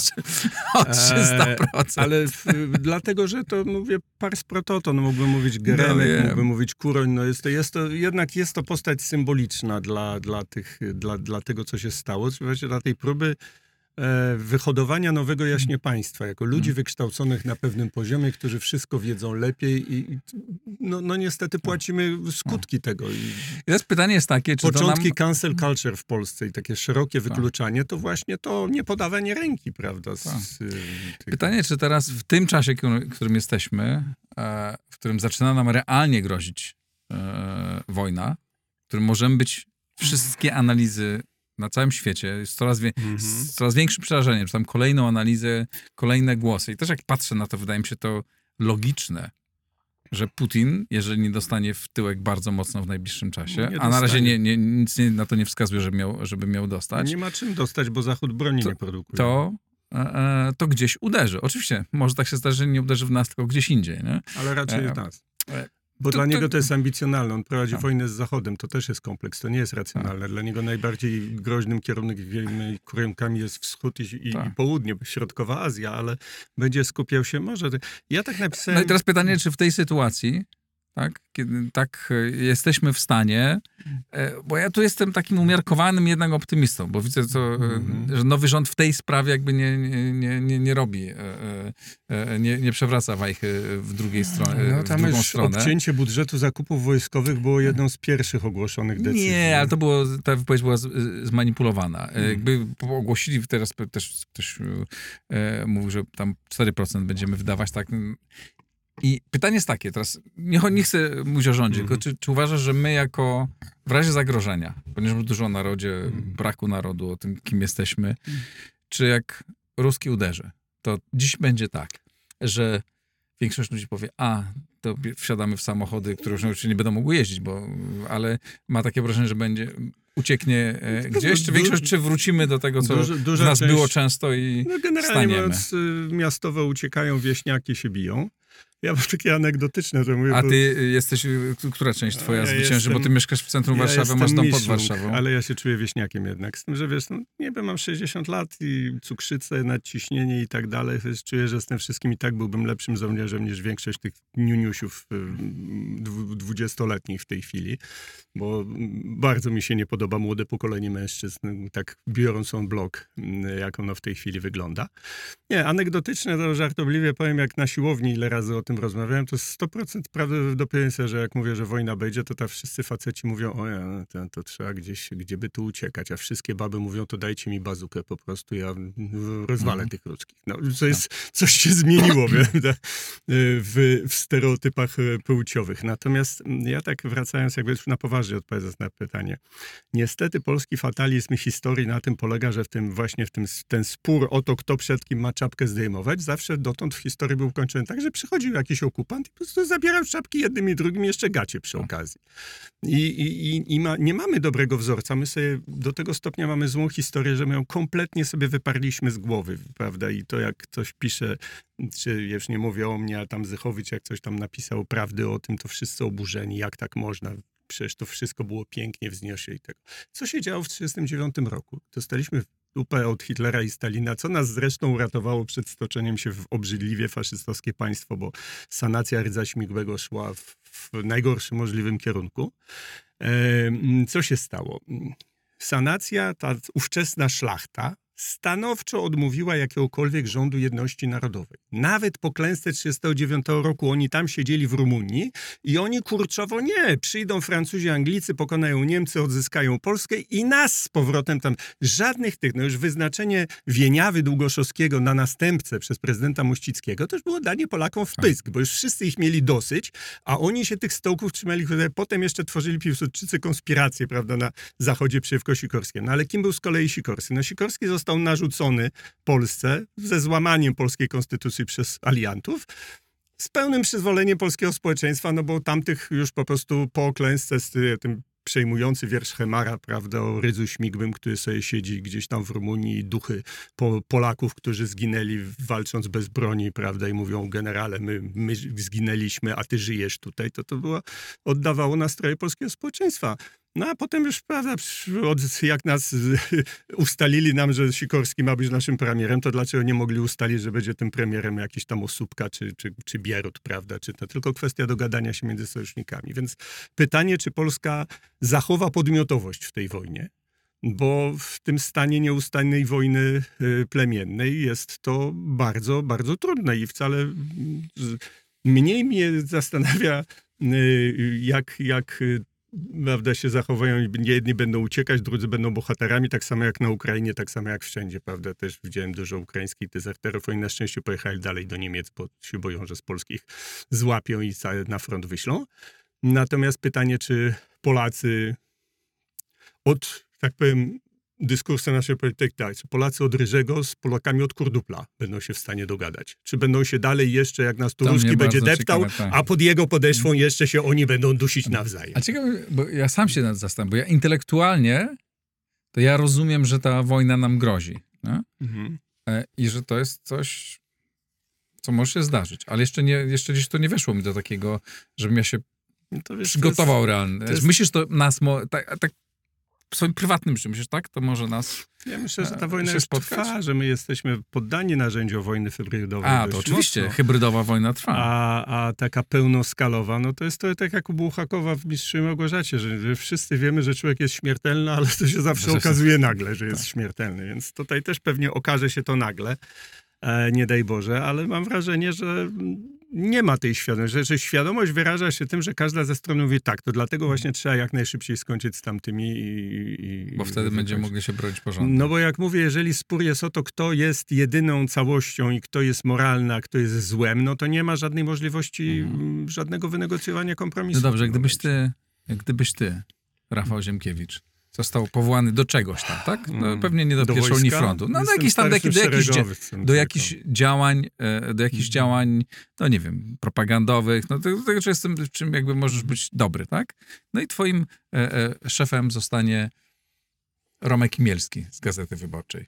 E, I powiem, twoim dowódcą, nie, nie szefem, tylko twoim dowódcą, tak? Mhm. W tej jednej jednostce. To no ja bym pewnie dał szansę. Nie wiem, co by to za jednostka była, wiesz, jestem ze specjalizacji wojskowej obrony cywilną, więc... Ale mentalnie byłbyś, no bo ciekaw jestem, na ile ty tkwisz w, w swojej bańce? I Mielski, i Mielski mi jakoś nie wadzi, no. Ale jakby dobrze, to, to wyobraź sobie, to, wyobraź no, sobie to, kogoś innego. To, to radziłbym mu uważać, żeby się do mnie plecami nie odwracał, kiedy mam nabity... No, ale to sam jesteś w tym. No sam, zobacz, co sam usłyszałeś teraz siebie? Sam słyszałem No. siebie, wiem co mówię. Słuchaj, no ale to mówisz o pewnych, mówimy o też, są pewne jednostki, które absolutnie powinny być rzeczywiście ukarane za konkretne czyny, które zrobiły, a nie, nie, nie za samą przynależność do jakiegoś plemienia. Wiesz, ja jestem takim wołającym od puszczy, co od wielu lat usiłuję ludziom wtłoczyć w myśl takie hasło porozumienie pod podziałami. Bo ponad podziałami nie ma. Jak podział u nas jest podział na najwyższym tym, więc nie ma wyższego nie, nie, nie, ma szczebla na porozumienie ponad podziałem na, na, na tych, którzy się czują prawdziwymi, wcielonym dobrem i tych się czu- czują wcielonym złem. I, i znaczy obaj się, obie strony się czują wcielonym dobrem, a drugą stronę za wcielone zło. Więc jedyny poziom możliwego porozumienia to jest na poziomie e, ciepłej wody, e, żywności, e, interesów materialnych po prostu. Więc e, dla mnie jakiś takim, no wojna może to wszystko zniszczyć, natomiast jeżeli szczęśliwie nie dojdzie do pełnoskalowej wojny, albo jeżeli zdołamy ją wygrać e, z pomocą sojuszników, e, czy się obronić, to koniecznością będzie stworzenie takiej władzy, która kompletnie pośle w diabły te całe ostatnich 10 lat Młódzki i zwróci się do Polaków na poziomie podstawowym, naszych interesów. Że właśnie nasze interesy narodowe są takie ważne, żebyśmy zarabiali pieniądze, żebyśmy byli bezpieczni, żebyśmy żyli dostatniej, bo tak jak parafrazuję Norwida, Ojczyzna to wielki wspólny biznes. No, ojczyzna to nie zatem wielki zbiorowy obowiązek, tylko ojczyzna to wielki wspólny interes. No, z uwagi na dwuznaczność słowa interes w polszczyźnie używam, używam tego pojęcia biznes. Patrzmy na Polskę jak na przedsiębiorstwo, w którym wszyscy mamy udziały i nasz dobrobyt zależy od tego, jak ono funkcjonuje. Dobra, to ale- może coś z tego Dobra, wyniknie. ale zostawmy to, zostawmy te, ale wyobraź sobie, bo jeszcze chcę, na ile ty sam w tym e, e, nie tkwisz, bo mam wrażenie, że często tak jest. A to już Żebyś- muszą No, za- ludzie, po, powołają, powo, po, wyobraźmy sobie, mówimy, to jest realna sytuacja, tak? To może się zdać za 2, 3, 5 lat. Powołują, je- jest No nie, wojna i no trzeba tu stworzyć jakąś tam komunikacyjną, jakąś komórkę komunikacyjną i zapraszają i siadasz w jednym pokoju, w jednym stoliku, tutaj jest e, Adam Michnik albo e, Jarek Kurski, ktoś tam i ty i macie teraz Myślę, e, że opracować... dziadków by już brali No do dobra, tego. Jarosław Kurski nie jest takim dziadkiem, jest w Słuchaj. swoim wieku. E, możecie razem Ja- usiąść i opracować i jest jeszcze ktoś. Jarosław Kurski napisał książkę o tym, jak bardzo on nienawidzi w sobie tej polskości ale co byś- i, no, ale- i, i odkrywa w sobie z ulgą, że ma jakieś tam żydowskie korzenie, w związku z czym nie uważajcie mnie za Polaka, ja nie jestem taki zły. Nie, bo to jest pytanie, dajesz Ale to takie, jest pytanie, na- ale dajesz takie teoretyczny przykład, a skąd masz w ogóle pewność, że ci ludzie by w ogóle wzięli się jakoś, zaczęliby bronić Polski? Bo moim zdaniem oni by witali z kwiatami, wielu z nich by witało z kwiatami, że reżim ja tak- pisowski wreszcie dostaje w D, prawda, i fajnie, że przychodzicie tutaj i ja, e, z, wyzwolić nas spod tego katolickiego ciemnogrodu. ja znam bardzo wielu ludzi i z jednej i z drugiej strony, z niektórymi się przyjaźnię, z niektórymi się nie, nie przyjaźnię. Po, po obu stronach mam podobnie i mam poczucie, że tam jest tak samo Udaje dużo patriotów, to? jak jest... Ponieważ generalnie tak. to jest tak, że ludzie z jednej strony, widzą, że ktoś się przyjaźni z tamtą stroną, to on się No, zrywa tak, to jestem taki nie, prawda? nie, nie, dosyć Widocznie nie, ukrywasz, ukrywasz Nie, mam tego, dobrych znajomych, z którym naprawdę mogę się nie zgadzać w wielu Dobra. sprawach. Igor, nic nie wymyślimy lepszego niż dobra księga powiada. Pokój ludziom dobrej woli. Zwracam uwagę na to dobrej woli. To jest, nie wszystkim. Ludziom złej Ale- woli nie wolno oferować sam- pokoju, bo to jest zgoda na zło. Natomiast jeżeli Ale sam odmawiasz im prawa do tego, żeby byli patriotami, żeby przyjdą, kochali Polskę. wykażą dobrą wolę i będą chcieli rzeczywiście łaskawie się robić zgodzisz coś dla to. Polski, to ścierpiej w swoim towarzystwie. No. Nie, to, toler, cierpię po, po łacinie tolerare. To na tym polega tolerancja. Polacy są bardzo, tole, tolerancja, akceptacja to są zupełnie inne rzeczy. Polacy są z natury tolerancyjni, więc, więc myślę tak, ścierpiałbym, jakbym widział rzeczywiście, że ci ludzie szanują wspólny interes ponadplemienny i czują się częścią narodu polskiego, a nie tylko jak ci, których tu cytowałem, radośni, szczęśliwi, że się demoluje Polskę, bo PiSowi na złość się ją demoluje. No to tak, takie kryterium bym zaproponował. E, ch- chętnie zadam to samo pytanie. Dobrze, to zostawmy już nasze, e, nasze społeczeństwo. Pogadajmy trochę o tym, co się dzieje, e, dzieje wokół nas. Na ile twoim zdaniem ten świat się, ten świat się rozpada, ten, który znamy, e, e, bo napięcia, drgawki są w coraz większej części świata. Mm, Rozumiem Mm. pytanie. On, on się nie rozpada, on się przepoczwarza. Okej, No, to, to jest zupełnie co innego. Nie? Powstają jakieś, no, ponieważ my jesteśmy przyzwyczajeni do pewnych form, które zauważamy i widzimy, że te formy się kruszą. Bardziej widzimy to, że o to się rozpada, niż widzimy to, co się kształtuje. Nie będę udawał, że ja tak wszystko już wiem, ale dużo nad tym myślę. Nawet napisałem taką książkę Strollowana rewolucja i mam nadzieję, że napiszę jeszcze drugą. Już mam dla niej tytuł Wrogie przejęcie. Czy wrogie przejęcie wolności? No myślę, że tutaj mm, kilka jest istotnych rzeczy, które, no, bo zawsze jest tak, że zmiany społeczne na świecie, zmiany historyczne zaczynają się od zmian technologicznych. Pojawia się nowy rodzaj napędu, tych- nowy tak. rodzaj no komunikacji, teraz prawda? absolutnie. A tych zmian, ile mamy w tej chwili, Mamy jest dużo. po prostu na każdym poziomie. nie? Mamy duży... Od technologii, przez podziały społeczne, przez e, napięcia międzynarodowe, e, e, takie potężne, idące przez jest- cały świat niemalże. Kto jest autorem tego powiedzenia, że sowa Minewry wylatuje o zmierzchu? To Hegel? Chyba Nie coś pamiętam. tam, że znaczy, że ta sowa Minewry, czyli to Mhm. nasze rozumienie się pojawia dopiero jakby jesteśmy w stanie zrozumieć epokę, No która się tak. kończy, a o świcie jak się dopiero zaczyna, to jesteśmy jako ta tabaka przysłowiowa, ciemna i, i coś w tym jest, więc bardzo trudno jest mi ogarnąć te zmiany, które zachodzą, rzeczywiście na wielu poziomach, znaczy zmiany to jeszcze widać, ale przewidzieć skutki jakie będą. No, kilka rzeczy widać, moim zdaniem. Kilka rzeczy widać. To znaczy, pojawił się w ogóle nowy podmiot w grze międzynarodowej, czyli wielkie koncerny. E, wydaje mi się, że system. I to który... technologiczne przede wszystkim, bo, one, bo, bo wielkie koncerny już były, tylko że to jeszcze. Nie, Jeszcze nie, jedna ale, zmiana. Ale, nie były aż tak wielkie. Y, To prawda, ale teraz zobacz na listy największych, nie wiem, 10-20 firm, to zupełnie inne były 20 lat temu, E, e, a tak. zupełnie inne są Znaczy, dzisiaj. To tak, oczywiście, ale też jakby wielkie koncerny stały się czymś innym, to znaczy, no, myślę, że ma, słabością naszej kultury zachodniej jest to, że my nie widzimy rzeczy w procesie, tylko widzimy rzeczy zawsze zatrzymane w Mhm. kadrze, nie? A proces był taki, że wiek XIX stworzył parę rzeczy, które działały fantastycznie do pewnego momentu i przyniosły światu wielko, wiele dobra. Trochę zła też, ale, ale więcej dobra. E, kapitał akcyjny i, i, i właśnie system korporacyjny. I to powodowało, kapitał akcyjny to jest patent na genialne lokowanie kapitału. On trafia tam, gdzie jest potrzebny, pracuje, produkuje dobrobyt. Powstał system, który tak umownie nazwano kapitalizmem. Nie lubię tej, tej nazwy marksowskiej, bo ona jest oczywiście głupia, bo to nie chodzi o kapitał. Kapitał istnieje od czasów starożytnych, tylko chodziło o przymus zysku. Ja bym to nazwał zyskalizmem. Taki Mhm. system oparty na poszukiwaniu zysku, który osiągało się jeszcze przez produkowanie dobrobytu. Gdzieś tam w latach 80., na początku w Stanach, to się zaczęło zawalać, to znaczy y, zysk zaczął płynąć bardziej ze... Jest taka fajna książka, której autora nie pamiętam, Gelt? On się, nie, Gelt to jest gotówka po niemiecku. Facet z taki... Mm, Wydało to wydawnictwo Prześwity i to jest y, o Jacku Welshie. Człowiek, Mhm. który zniszczył kapitalizm. Jacku Welshu. E, menadżerze, który symboliczny rzeczywiście tej, dla tej zmiany, on był z General Electric e, i, i o, objął General Electric jako wielką, prosperującą firmę z mnóstwem pracowników, e, bardzo zadowolonych, prawda, z tego, bo taka była kultura korporacyjna złotego wieku kapitalizmu, że pracownicy mieli potąd w takiej dobrej firmie.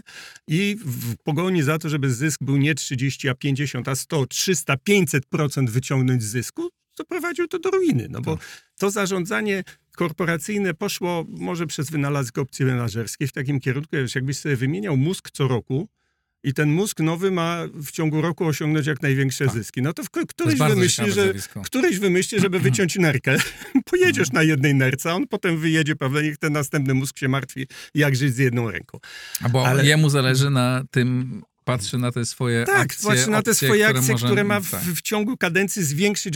To jest szaleństwo zwiększania wartości akcji, ale skąd to się wzięło? Z tego, że to jest wszystko napędzane kredytem bankowym. Jeżeli coś Mhm. napędzasz kredytem, który też był genialnym wynalazkiem w pewnym momencie, no to ale musisz mieć zysk na spłacę kredytu. Więc nie możesz po prostu mieć zysk, musisz mieć stale większy zysk. Bo im większy zysk, prawda, więcej kredytu, więc ludzkość wpadła w takie, Zachód wpadł w takie szaleństwo i doszedł moim zdaniem jest jakaś ks- książka e, Jason Heikel, to jest taki ideolog Extinction Rebel. Ta książka jest głupia, jeśli chodzi o sugerowane rozwiązania, czy naiwna, natomiast bardzo dobrze pokazuje faktografię. No, świat doszedł, Zachód doszedł jakby do momentu bariery popytu.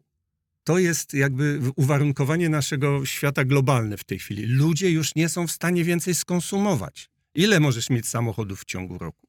No więc pojawiło się, tworzymy religię, która zmusza ludzi do konsumpcji, czyli religię ratowania klimatu, żeby ludzie kupowali badziewie elektryczne, na przykład samochody, których na rynku wolnym by nikt nie kupił, bo to jest no, warte. E, wiatraczki, prawda? Wszystkie jakieś miliardowe inwestycje, które są zupełnie bezsensowne, bo są wymuszane decyzjami rządowymi, które są wymuszane z kolei ideologią czy religią właśnie klimatyzmu. Czy... Ale to jest na krótką metę. I druga rzecz, jedna z wielu, na przykład w tej układance, jak się czyta, patrzy, ja dość staram się śledzić, co się w Davos mówi. Pojawiła nam się nowa kasta tyranów.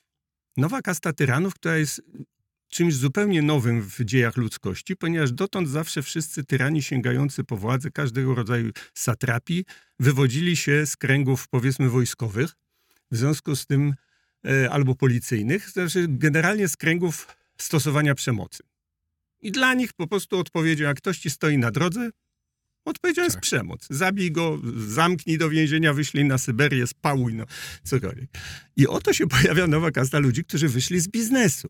I dla nich odrukiem, jak ktoś stoi na drodze, jest jak reaguje biznesmen. Wykup go. Doprowadź do ruiny albo wykup. Więc stąd to pojęcie wrogiego przejęcia. Ja mam nadzieję, że świat jest poddany takiemu wrogiemu przejęciu, czego najbardziej ofiarą padła lewica, która w ciągu 10 lat z ruchów antyglobalistycznych y, i jakoś tam wyrastających z ideologii y, bycia po stronie słabych przeciwko silnym, stała się najwierniejszym wojskiem wielkich koncernów, prawda? I te wszystkie naj, jest taka świetna książka mm, The Coming of Neofeudalism, y, nadejście neofeudalizmu, to się, autor się nazywa Kotkin, wypadło mi w tej chwili, James Kotkin chyba w każdym razie. E, Ta książka, która pokazuje, jak wszystkie absolutnie te wynalazki genderowo-tęczowe, woke e, cały i to wszystko, jak to napędza kasę wielkim koncernom, które w dodatku A. zostały totalnie rozgrzeszone, bo już nikt nie mówi o wprowadzeniu podatku Tobina, nikt nie chce zjadać Wall Street czy okupować Wall Street, prawda? Wszyscy mówią o zaimkach i trzecich toaletach i to jest kompletnie uciekło to w bezpieczne pierdoły, a to, że jakiś koncern, wiesz, wytruje pół Afryki, żeby wydobyć więcej kobaltu, to jest konieczne, bo kobalt to są zielone technologie, prawda, a zielone technologie są good.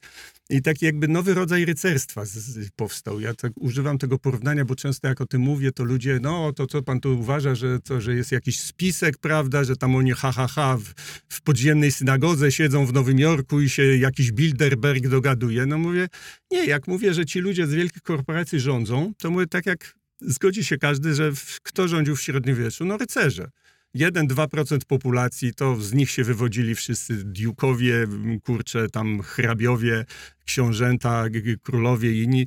I co? Czy oni stworzyli jakiś jednolity spisek, który miał na celu opanowanie świata? Nie, leli się między sobą, mordowali się, wsadzali się nawzajem do lochów, prawda? Po, podbijali sobie włości albo mordowali swoich chłopów na złość jeden drugiemu. I trochę to tak wygląda w tym świadku korporacyjnym. Oni też oczywiście, że oni się bezlitośnie nawzajem niszczą, natomiast jako grupa przede wszystkim świat demolują, no bo są pod tym nieustającym przymusem większego, stale większego zysku, Mhm. Którego już nie ma jak osiągnąć na obrocie, więc zaczyna się go Jest, osiągnąć ale są już sztuce. tak duże, że są często większe niż e, poszczególne państwa. E, Tak. Mają siłę, są ponadnarodowe, więc mogą te, działają w bardzo różnych kierunkach. I jest zero ba- odpowiedzialności. Bardzo ciekawy przykład jest Stanów, tego co się dzisiaj dzieje, nie? że Stany odwracają się od Chin, a jednocześnie e, jest to właśnie obie, i, i, i obie, e, eli, obie elity polityczne i demokratyczna i republikańska chce się odwracać od Chin i się odwraca od Chin. I ten proces jest bardzo poważny. Tylko, że jak Xi Jinping przyjechał do Stanów Zjednoczonych, do Kalifornii, e, e, to wszyscy, cała śmietanka biznesu, wszyscy, wszystkie głowy e, największych firm przyszły mu klaskały. E, e, Kiedy był na, na jego powitanie na stojąco go witały. Wbrew, wbrew interesowi swojego państwa, wbrew politykom, zarówno demokratom, jak i republikanom. Wcale mnie to nie dziwię. Klaus Schwab pojechał do Xi Jinpinga i mu tam słodził, że w ogóle Chiny są dla ludzi z Davos yy, właśnie dla tych, e, natchnieniem. No On tam takie, oczywiście to kurtuazyjnie może trochę naciąga, ale nie, ale dla nich to jest wzorzec. To jest, dla nich to jest piękne. Ta wizja świata, w którym właśnie jak tu Klaus Schwab powiedział, nic nie będziesz miał i będziesz szczęśliwy. Wszystko będzie własnością, bo to jest jakby jakaś droga, jak jeszcze można mnożyć zyski. Odebrać ludziom własność. E, nie, nie potrzebujesz mieszkania, bo mieszkanie należy do korporacji, ty je będziesz na zasadzie, prawda, jak rower, wynajmował, płacił w jakiejś żyjni. Tak, jeśli ktoś pamięta książkę Zajdal Limes Inferior, to, to bardzo polecam to świętej pamięci. Janusz Zajdel bardzo dużo przewidział, w jakim kierunku system idzie. Pieniądze. Pieniądze będą tylko w formie impulsów elektronicznych. Będą to pieniądze, które w dodatku, w zależności od tego, jak koncerny zdecydują, te pieniądze będą mniej warte albo więcej warte. Takie narzędzie, które nazywa śladem węglowym, że za te same pieniądze możesz kupić coś, co ma ślad węglowy, to mniej, a jak nie ma śladu węglowego, to więcej. Poza tym musisz wydać te pieniądze do któregoś tam, bo jak nie wydasz, to ci przepadną, prawda, albo się zmienią w co innego, więc nie masz własności, nie możesz uciłać w skarpecie niczego, czyli co, wracamy nawet nie do neofeudalizmu, jak Kotkin pisał, tylko wracamy po prostu do starożytności, do systemu y, latyfundiów i niewolnictwa. No po prostu jak w starożytnym Rzymie prawda, jest pan feudalny, mm. nie, nie feudalny właśnie, kurde, feudalizm był postępem, jest, jest po prostu pan właściciel niewolników yy, i tylko z tą różnicą, że kredyt jest dużo skuteczniejszym narzędziem od wszelkiego rodzaju dybów i łańcuchów. No i po prostu wszyscy, jak ci fellachowie, będą musieli zapierniczać, e, żeby, żeby w ogóle zarobić na prawo mieszkania w swoim własnym mieszkaniu, które już nie będzie ich mieszkaniem, tylko jakiegoś Klausa Schwaba. Oczywiście ta realizacja tego, czy to się powiedzie, nie, to, to nie wiem, bo jeszcze ludzie mają coś do powiedzenia, nie, no, prawda? I mogą, myślę, że to jest bardzo atrakcyjna, intelektualnie y, wizja, czy atrakcyjna, czy ciekawa. W Davos, ale to się, w Davos jak czytasz, co tam na tych szczytach y, omawiają, Harariego i tych hmm. innych, to oni uważają, że to jest zupełnie realne, bo jeszcze oni uważają, że przewaga materialna połączona z przewagą technologiczną da możliwości, jak to Harari nazywa, hokowania umysłów, co jest zresztą stare, wiesz, bo to jest ten Harari to jest taki intelektualny oszust, on tam miksuje po prostu różne idee, ale to jest stary Skinner, prawda, taki założyciel behawiorystów, który twierdzi, że wolność jest y, złudzeniem, to znaczy wolność to jest y, brak wiedzy. Jeżeli ci się wydaje, że podjąłeś jakąś decyzję ty, to po prostu dlatego, że nie rozumiesz tych uwarunkowań, które za ciebie ją podjęły. W związku z czym ktoś wyposażony w narzędzia sztucznej inteligencji, neuroprogramowania i tak dalej, będzie hakował umysły i my będziemy wszyscy myśleć to, co oni uważają, że chcemy, żeby myśleć i będziemy myśleli, że to my sami myślimy, a nie oni myślą nam Na szczęście tak nie będzie. Jesteśmy ludźmi, wuj którzy panują wie, nad światem. Wuj wie, ale mówię ci jakby, jakie są te projekty świata mhm. y, przez ten świat bogaczy projektowane. To jest dość straszne. To jest Orwell na sterydach, mhm. naprawdę. To prawda. Stalin i no, Hitler... Bo nigdy nie, bo nigdy nie było takich narzędzi. Nigdy nie było takich narzędzi. To Zgadza wywraca się. świat. Ale na to, to jest, to jest ta jedna sfera, tak, o której hmm. mówimy, ale oprócz tego mamy drugą sferę tych realnych, e, fizycznych e, zagrożeń e, i toczących się wojen. Dwa lata temu byliśmy wstrząśnięci tym, że zaczęła się wojna mm. na, na, Ukrainie. Coś niewyobrażalnego dla nas, tak i to jak ona, jak ona wyglądała. 7 października ubiegłego roku e, wybuchła inna e, E, inna wojna, dwie inne wiszą, e, wiszą mm w mhm. powietrzu e, i one wszystkie zagrażają temu zachodniemu porządkowi, zachodniemu światu.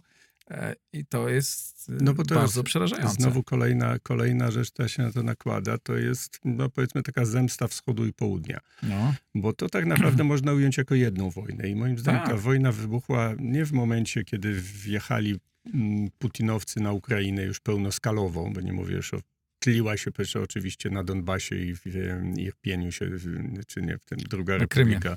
Na Krym, Krym to ruskie zajęli, ale tak. ta druga republika Do, Donieck. Donieck i Ługańsko. Mhm. To ona się tam y, tliła, natomiast mm, ta pełnoskalowa wojna zaczęła się moim zdaniem w styczniu dwa lata temu nie 24 lutego, tylko w styczniu, kiedy Putin pojechał do Xi Jinpinga i tam przy okazji przed olimpiadą ogłosili taki manifest, który mhm. świat trochę przegapił. Tak. Ale pewnie pamiętasz. Taki manifest złotego miliarda, tak? Że ten złoty miliard ludzkości jest uprzymilowany, a oni występują... Te państwa, które mają bardzo dużo... Te państwa, które mają bardzo dużo, bo się nakradły, nie, które, które się, tak, mówię o mhm. Zachodzie, tak. o tych Ameryce, mhm. Europie, prawda, państwa się nakradły, na eksploatacji, na kolonializmie wyrosły, dorobiły się majątku, one są tym złotym miliardem, a te trzy czy tam cztery już miliardy żyją w poniżeniu i Xi Jinping z Putinem się mianowali, że tak powiem, ich y, rzecznikami. Nie ma jednolitego porozumienia. Tutaj oni próbują, Chiny próbują stworzyć taki blok. Rosja jest tutaj bardzo użyteczna dla nich, chociaż No więc Rosjanie sobie chyba nie zdają sprawy, że oni już nigdy nie będą senior partnerem w tym, w tym układzie, O, tylko Teraz są bardzo, są bardzo coraz senior. bardziej, Tak. jakby i coraz bardziej Chińczycy zjedzą w końcu, ale Ruscy chyba tego nie rozumieją, a, a jeśli rozumieją, to rozumieją, że nie mają innego wyjścia. No ale tam y, Indie na przykład, które są coraz większą potęgą, a w tej chwili już od kilku miesięcy są liczniejsze, od roku prawie już są liczniejsze od Chin. No tak, ale na, szcz- ale na szczęście są skonfliktowane bardzo z No Chinami, właśnie o więc do, soj- do sojuszu tam... No, ale, ale też nie chcą być sojusznikiem Zachodu. Tak grają. Masz jeszcze południową Amerykę, która też się nie czuje częścią Zachodu tak naprawdę. Też się czuje bardziej ofiarą kolonializmu niż, niż e, e, państwami stworzonymi przez ko, kontynuującymi dzieło kolonizatorów. E, Afrykę, która jest w ogóle w, głęboko w, e, najgorszym chyba, w, w najgorszej sytuacji ze wszystkich, od historycznie też, ze wszystkich kontynentów i tamtejsze, a tam też ludzi, ludzie, a ludzi mnogo, że tak powiem, Tak, Stalinem. tylko że ich jest, tylko że w tym, tam nie ma Nie ma- spójności politycznej, nie tam jest ma. wkurw, przepraszam, e, e, złość, To niezadowolenie, program, jak chcesz se kląć, to nie, niezadowolenie e, powszechne jest wśród miliardów ludzi, tak, pewnie w miliardach trzeba to tak, to liczyć. trzeba liczyć. Natomiast, natomiast nie ma tam spójności politycznej nie ma tam sprawczości, Bogu tak? dzięki, bo jakby tam była spójność polityczna, to by nas smrot i buty Tak, po nas pozostał. Natomiast y, oni, jakby jest ten instynkt, który ich wiąże. No jedno i, pomaga drugiemu. I oni rosną w siłę, a Zachód słabnie, prawda? I to jest też, że w XIX wieku, jak y, Europa kolonizowała pół świata, to, to, to na świecie było więcej białych niż żółtych i czarnych razem wziętych. A w tej chwili samych żółtych jest dużo więcej Tak. niż białych i czarnych samych też jest dużo więcej niż białych. Kompletnie demografia, Zachód- która jest podstawą Tak. wszystkiego, odwróciła się. Zachód słabnie, a Stany się stają coraz bardziej izolacjonistyczne, bo Stany nie słabną, tak? Tylko że stają się, izo- sta- stają się izo- izolacjonistyczne, tak? Już nie być, mają, może są, odwracają wektory. być może są w takim etapie, co Arnold Toyd by nazywał, że to jest trup w zbroi, prawda? On tak Mm. pisał o Imperium Rzymskim, tym, tym późnym. E, nie wiem, czy są trupem w zbroi, aż tak blisko Nie, się nie, tak nie. nie interesuje sprawami amerykańskimi, ale no, rzeczywiście one to przywództwo tracą, więc przede wszystkim Zachód stracił taką siłę imponowania. Mhm. Jest taka książka słaba, szczerze mówiąc, ale ciekawe fakty tam są. Joshua Kurlandczyk się facet nazywa i to jest demokracja, demokracja liberalna w odwrocie. One po prostu pokazuje na przykładach pewną konkretną rzecz. Gdzieś tak do lat jeszcze 70. ubiegłego stulecia każdy kraj biedny, który chciał się wzbogacić, uważał, że on musi naśladować y, białą cywilizację, Zachód musi naśladować pod każdym względem, nie tylko technologicznym, co oczywiste, ale również społecznym, czyli trzeba wprowadzić demokrację, liberalizację, wolność słowa, prawda, te wszystkie zachodnie wartości, to się stworzy klasa średnia, to wtedy będziemy się tu bogacić. W tej chwili w ogóle ten mit nie istnieje. Przykład ale, ten, Chin, ale ten mit został wykreowany przez Zachód. Tak, ale Zachód w to wierzył, bo Zachód Państwa wierzył, arabskie zwłaszcza i Zachód pierwszy sam przestał w to wierzyć. Mhm. Sam, bo jest przeżarty łokeizmem, przeżarty wyrzutami sumienia, że cała historia Zachodu to jest historia opresjonowania przez białych mężczyzn wszelkich możliwych mniejszości i w ogóle jeden wielki wstyd i powinniśmy się kajać i klękać przed każdym czarnoskórym, prawda, jak te, te kuriozalne jakieś idiotyzmy z czasów BLM-u się odbywały, więc, więc tacy ludzie, no co oni mają imponować? Nie, i w tej chwili jest przekonanie na przykład, że autorytaryzmy sprawdzają się lepiej. Nie ma, wiesz, e, ja już nie mówię o Chińczykach, ale na przykład mam sporo kontaktów z Wietnamczykami i oni, no to jest oczywiste, że musi ktoś trzymać ten interes za, za te, żeby tylko przestrzegał pewnych reguł, a ludzie muszą, prawda, mrówki muszą przestrzegać prawa w mrowisku.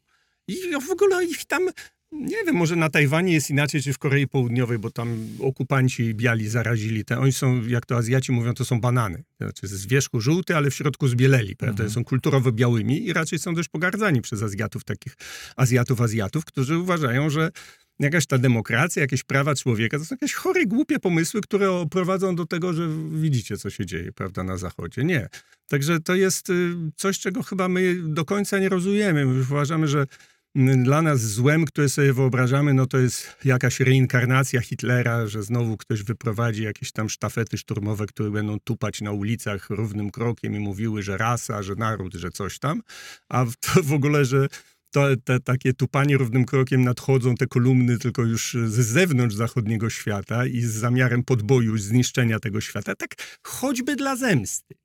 No bo jeżeli Zachód cały opowiada, jak się strasznie wstydzi tego kolonializmu, Prawda? No, no jest się trochę czego wstydzić, ale trochę też pamiętasz ten, ten w Monty Pythonie, co, za, co, co my zawdzięczamy Rzymianom właściwie. No no, trochę jednak zawdzięczali Rzymianom, no, prawda? I trochę jednak te kraje, te dawne kolonie trochę zawdzięczały Anglikom czy Francuzom, więc no, już też... Tak, ale też no. wiele złych rzeczy też e, tak, tak, no, do, do, doświadczyłem. Tego nie, przesadnym tego nie usprawiedliwiał. W ogóle tego nie usprawiedliwiał. Nie, Dobra, ale czy widzisz teraz, jak mówisz o Zachodzie... po prostu jak jest... Y, widzisz jakąś jasno, coś jasnego, o jakieś światełka w tunelu w Europie?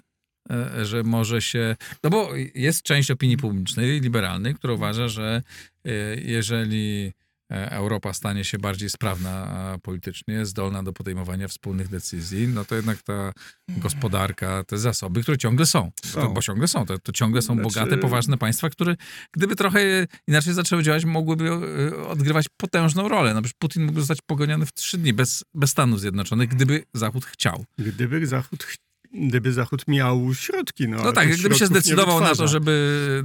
Gdyby się zdecydował dwa lata temu, dobra, to teraz szybko produkujemy amunicję i tak no, dalej, i tak dalej, to pewnie znaczy, by to Trzeba by zrobił. postawić fabryki do tak. tej amunicji. No, tak, tak, tak. To jest tak, że PKB Rosji, co wielu się krzepie, a tam PKB Rosji to jest, nie wiem, 5% PKB zachodniej Europy, czy coś hmm. takiego, ale te 5% PKB rosyjskie wytwarza dwie trzecie światowej produkcji amunicji. Jak przyjdzie do starcia NATO, a PKB nie walczy z PKB, prawda? PKB jest tylko e, zasobem, który można wykorzystać. Słuchaj, no, trudno powiedzieć, ile jeszcze życia jest w Europie, bo jakieś to jest. Wydaje mi się, że projekt y, unijny się wyczerpał, a, a projekt państwa europejskiego to jest w ogóle jakaś straszna rzecz i to jest, ja w ogóle nie mówię, jak ludzie mówią jakiś polexit. Nie żaden polexit, mówmy polescape. To trzeba uciekać, bo ta chałupa się wali. No. Pomysł z scentralizowania... Tak, tak, uważam, że pomysł scentralizowania Unii Europejskiej w formie jednego państwa, który w dodatku Niemcy mają tu największy wpływ i oni to sobie wyobrażają dokładnie tak jak zjednoczenie Niemiec, przy czym rolę tą, jak w zjednoczeniu Niemiec w XIX wieku odegrały Prusy, to teraz mają Niemcy odegrać w całej Europie, to to jest kompletnie nie, opowieści jakieś o Stanach Zjednoczonych Europy. Ludzie, na litość boską, Stany Zjednoczone powstały z y, przesiedleńców, którzy wszyscy byli mniej więcej z jednej kultury, a ci, co byli z innej, ją kupowali się dostosowali, bo im imponowała. Natomiast tutaj są zaszłości wielowiekowe i próba połączenia tego w jeden centralnie zarządzany organizm, to jest Wielka Jugosławia. To Tylko... się skończy wielką bałkanizacją Europy. Uciekajmy od tego projektu, bo wyczerpiemy siły europejskie kompletne w wewnętrznym konflikcie. Znaczy, ja, ja, ja u, u, nie zgadzam się fundamentalnie, że mamy stąd uciekać y, z Unii, natomiast y, ja nie wiem, gdyby tak miało być, jak mówisz, to, to może tak. Tylko, nie, że, ale tak jest. Nie, no, ja, tak jest, szanse no. na powstanie jednego państwa jak... są moim zdaniem 5%, tak? To jest ale, czy, na, czy takiego ale, para państwa. Ale, ale tak? już są... decyzje o jego budowie zapadły i skutki tego będą fatalne. No to jest, jak mówił mój nauczyciel w, w liceum, klamka zapadła, drzwi się zamkły. No. Nie, nie uważam, że ta klamka zapadła, dlatego że ona tam, lekko się nagięła, ale są społeczeństwa, są Włosi, Francuzi, Hiszpanie, E, pewnie tam, nie wiem, Duńczycy, e, e, Szwedzi i tak dalej, i tak dalej. Którzy... No myślę, że jak y, ruszą się imigranci, którzy nagle stwierdzą, że są u siebie i chcą stworzyć swoje państewka i swoje strefy i wymówią posłuszeństwa tym państwom zachodnim, to jeszcze będą Włochy, Francja tego, czy będzie znowu, nie wiem, Pikardia, Burgundia, Lombardia, myślę, że, małe myślę, państewka.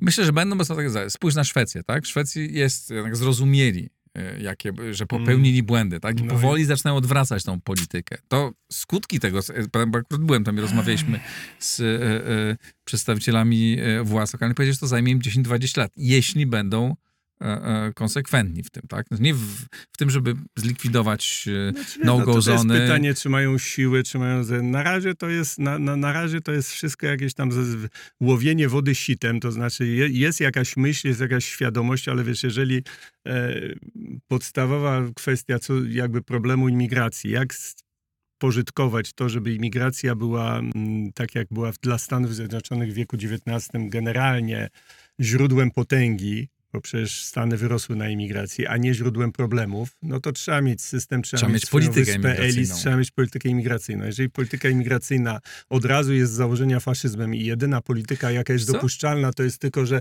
jak tych imigrantów powrzucać do różnych krajów w miarę równo, żeby nie siedzieli na ty, w tych krajach najbogatszych, no sorry. No. Znaczy, ja, dlaczego mamy nie, nie mieć polityki imigracyjnej? Ja Mówię pamiętam, że rozmawiałem... Bo nie wolno o tym nawet myśleć, bo to jest myśl o zbrodnia.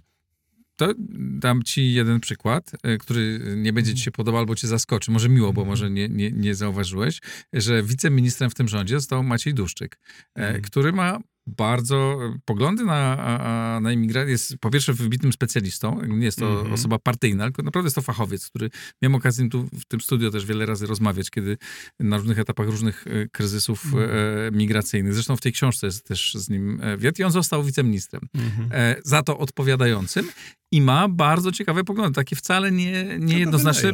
Jest mądrym, e, inteligentnym człowiekiem. To go wyleją. Ja pamiętam wiedzą, z poprzednich rządów takie próby, że też tam do jakiegoś resortu wziąć fachowca, który się zna na finansach albo na polityce zagranicznej, a się okazywało, że no ale niestety dobry ale- fachowiec, ale bezpartyjny. Ale nie więc- odmawiaj szansy, no podjęli taką decyzję, wzięli takiego człowieka, tak? To jest dobry, Dobrze. e, to jest dobry, e, No, e, wie, dobry ja- znak. Są ja państwa, nie tylko Stany Zjednoczone. Stany Zjednoczone to historycznie, to Ale- nie jest tak, że one sobie wymyśliły. Dobrze, ale... To tak się stało naturalnie, ale jest państwo, które jest państw, przykład państwa, które prowadzi od lat politykę e, e, migracyjną dosyć świadomie. Im to całkiem nieźle rodzi. My Australii, oczywiście to jest zupełnie inna część e, No tak, świata, to ale tam Tak. prowadzą politykę zdecydowanie.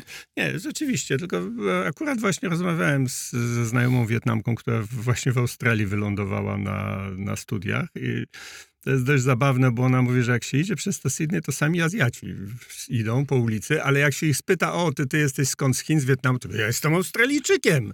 I to jest to, co, co rzeczywiście jest, no, anegdota nie jest dowodem, ale ale, rzeczywiście jest to dowód Tak. sukcesu jakiegoś y, tej polityki, ale to, wiesz, to nie jest tak, że migracja sama w sobie jest katastrofą. Katastrofą jest y, podejście do migracji z głupotą pani Holland, prawda? Że, że No, wszyscy imigranci to są zgadzam. poczciwi, dobrzy ludzie, którzy tu szukają tylko szczęścia, które w ogóle będą chętnie pracować dla nas i, i tak dalej. No, no, no, sorry, nie, tak Albo z drugiej działa, strony no. podejście takie, że nie możemy wpuścić nawet pół człowieka, bo, e, e, No bo- będzie tu tak, bo to- to katastrofa. po czym w jest, no to- międzyczasie za poprzedniego rządu wpuściliśmy tutaj bardzo dużo ludzi i, i co się okazało? Nie zaszkodzili nam, tak? Wręcz jest, e, pomogli No gospodarce. że To prawda, aczkolwiek to też może być, e, możemy mocno beknąć, przepraszam za kolokwializm, ponieważ e, wpuściliśmy tych ludzi w ramach e, tego, co nazywam mięsem uberowym, czyli tak zwanego uberyzowania pracy, Mhm. tak? Czyli wielkie korporacje ściągają pracowników, wyzyskują ich, a potem ich zostawiają i na zasadzie zyski czerpią korporacje, a my ponosimy tak zwane koszta społeczne tego, więc Tak. tutaj, tutaj, tutaj też jest e, nieróżowo, no ale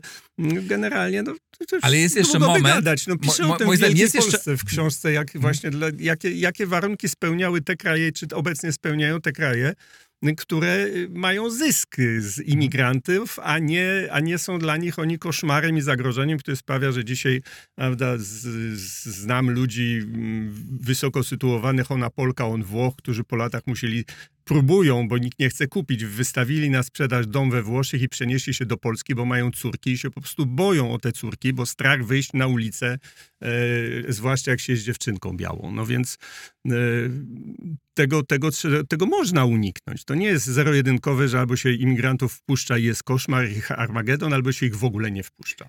Ale też nie, nie, bo wiesz, bardzo lubisz takie wyciągać takie, że tam właśnie y, masz znajomych Ale to małżeństwo myślę, że każdy, myślę, że każdy z- już Tak, ale, ma wśród ale każdy znajomych kto takie był, opowieści. Ale też no. każdy, kto był we Włoszech czy w zachodnich y, państwach, wie, że takie historie się zdarzają, ale na co dzień są to normalnie funkcjonujące No państwa. tak? Jak chodzisz po Sztokholmie, to jest to bardzo e, bezpieczne i przyjazne Sztokholmie, no, miasto. Zależy od dzielnicy, ale No. jakbyś tam w, w Niemczech chciał iść na basen, to już publiczny, to mm, znaczy, ty, tobie to niczym nie grozi, ty możesz, ale córki, cu, cu, córek tam Mhm. obywatele nie puszczajcie, że tak powiem. Pewnie, pewnie zależy, e, zależy gdzie. Ale zgadzam się z tym, że tu w 100% się zgadzam, że należy prowadzić politykę migracyjną. Tak? I Ja, to, to chyba się z, przekonujemy od 10 minut siebie nawzajem do Tak. tego samego. Także, Dobra, nie wie, e, bo wrócę do tego pytania. Czy widzisz gdzieś jakieś e, takie zdrowe rzeczy, które dzieją się w Europie, no, które mogą odwrócić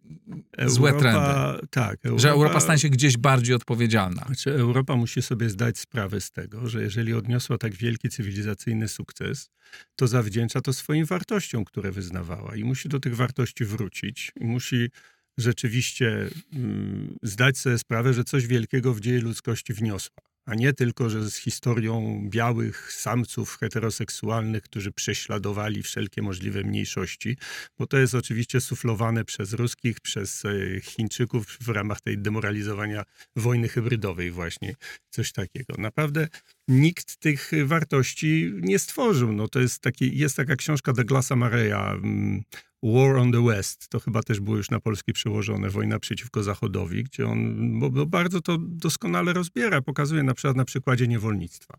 No wszystkie kultury Yy, yy, wszędzie zawsze istniało niewolnictwo, ale tylko jedna cywilizacja w którymś momencie stwierdziła, że jednak jest coś złego w niewolnictwie i to była biała cywilizacja. I to stwierdziła w XIX wieku, prawda? I, I, skończyła z niewolnictwem, które nadal istnieje w całym świecie, które nadal istnieje w Chinach, które nadal istnieje w różnych krajach, które na forum ONZ-u, prawda, e, jeżdżą jak po łysej kobyle po, po, po ambasador amerykański od Baracka Obamy za niewolnictwo w Ameryce, a ta idiotka się kaja, bije w piersi, mówi, no tak, my straszna cywilizacja amerykańska, prawda, nie to, co wy e, Chińczycy, gdzie ludzie są wolni, a zwłaszcza Tybetańczycy, a zwłaszcza Ujgurowie, prawda, i tak dalej. Więc jeżeli my jeżeli spsiała cywilizacja zachodnia i nie rozumie swojej wielkości, nie rozumie, co w niej było ważnego, no to niczego nie osiągnie. No, to jest, jest taka też choroba, która nas poraża. To jest świetnie opisane w takiej książce e, wspomnianego już przeze mnie Jonathana Haidta, psychologa i takiego pedagoga George'a Lukianowa. To się nazywa mm, e, Coddling of the American Mind, czyli tak... Y, rozpieszczanie umysłów. To też u nas zostało przełożone się jako rozpieszczony umysł. Krytykowałem ten przykład tytułu. Przepraszam, jeśli ktoś się z tym zetknął, bo po prostu nie doczytałem tej jednej literki, że to nie jest coding, tylko codling, takie wiktoriańskie dziwne słówko.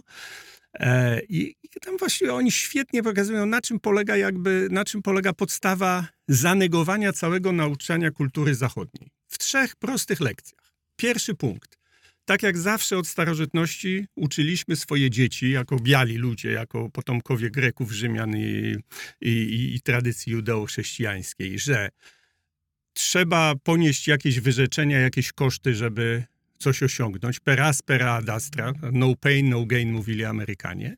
Tak teraz zaczęto uczyć ludzi, że twoim absolutnym prawem jest nie mieć żadnego dyskomfortu. Wszelki dyskomfort jest zły. Nikt nie ma prawa od ciebie wymagać dyskomfortu. To jest punkt pierwszy tego rozpieszczenia. Punkt drugi to jest przekonanie, że no, zawsze uczyliśmy tego, że co cię y, nie zabije, to cię wzmocni. A teraz, prawda, uczymy, że co cię nie zabije, to cię osłabi, że nie możesz się w żaden spór wdawać, w żaden... Y, jeszcze wszyscy mają po wszystkim ustępować i udawać, jeżeli czytam, że 80% studentów amerykańskich, także tych republikanów w deklaracjach, podpisuje się pod stwierdzeniem, że jeżeli na sali jest ktoś, komu sprawia przykrość to, co jest w kursie wykładu, to ten wykład należy usunąć z kursu uniwersyteckiego. Czyli nie uczymy po Hitlerze, bo na sali może być Niemiec. Nie uczymy, prawda, o, o niczym. No, o niczym tak naprawdę nie uczymy, bo zawsze to komuś się może nie spodobać. Czyli Fahrenheit 451 y, Raya Bradbury'ego, jeśli ktoś pamięta moją, jedną z moich ulubionych książek dzieciństwa. E, no i trzecia rzecz najważniejsza, że granica między dobrem i złem to jest wielkie odkrycie cywilizacji chrześcijańskiej, że granica między dobrem a złem zawsze przechodzi przez nas.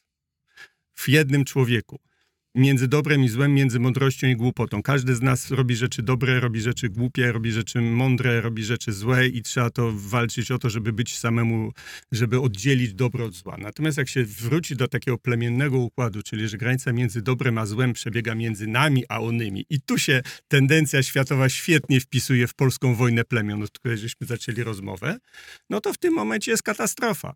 A tego się, na tym woke polega, prawda? Że jeżeli jesteś białym mężczyzną heteroseksualnym, to jesteś złem wcielonym.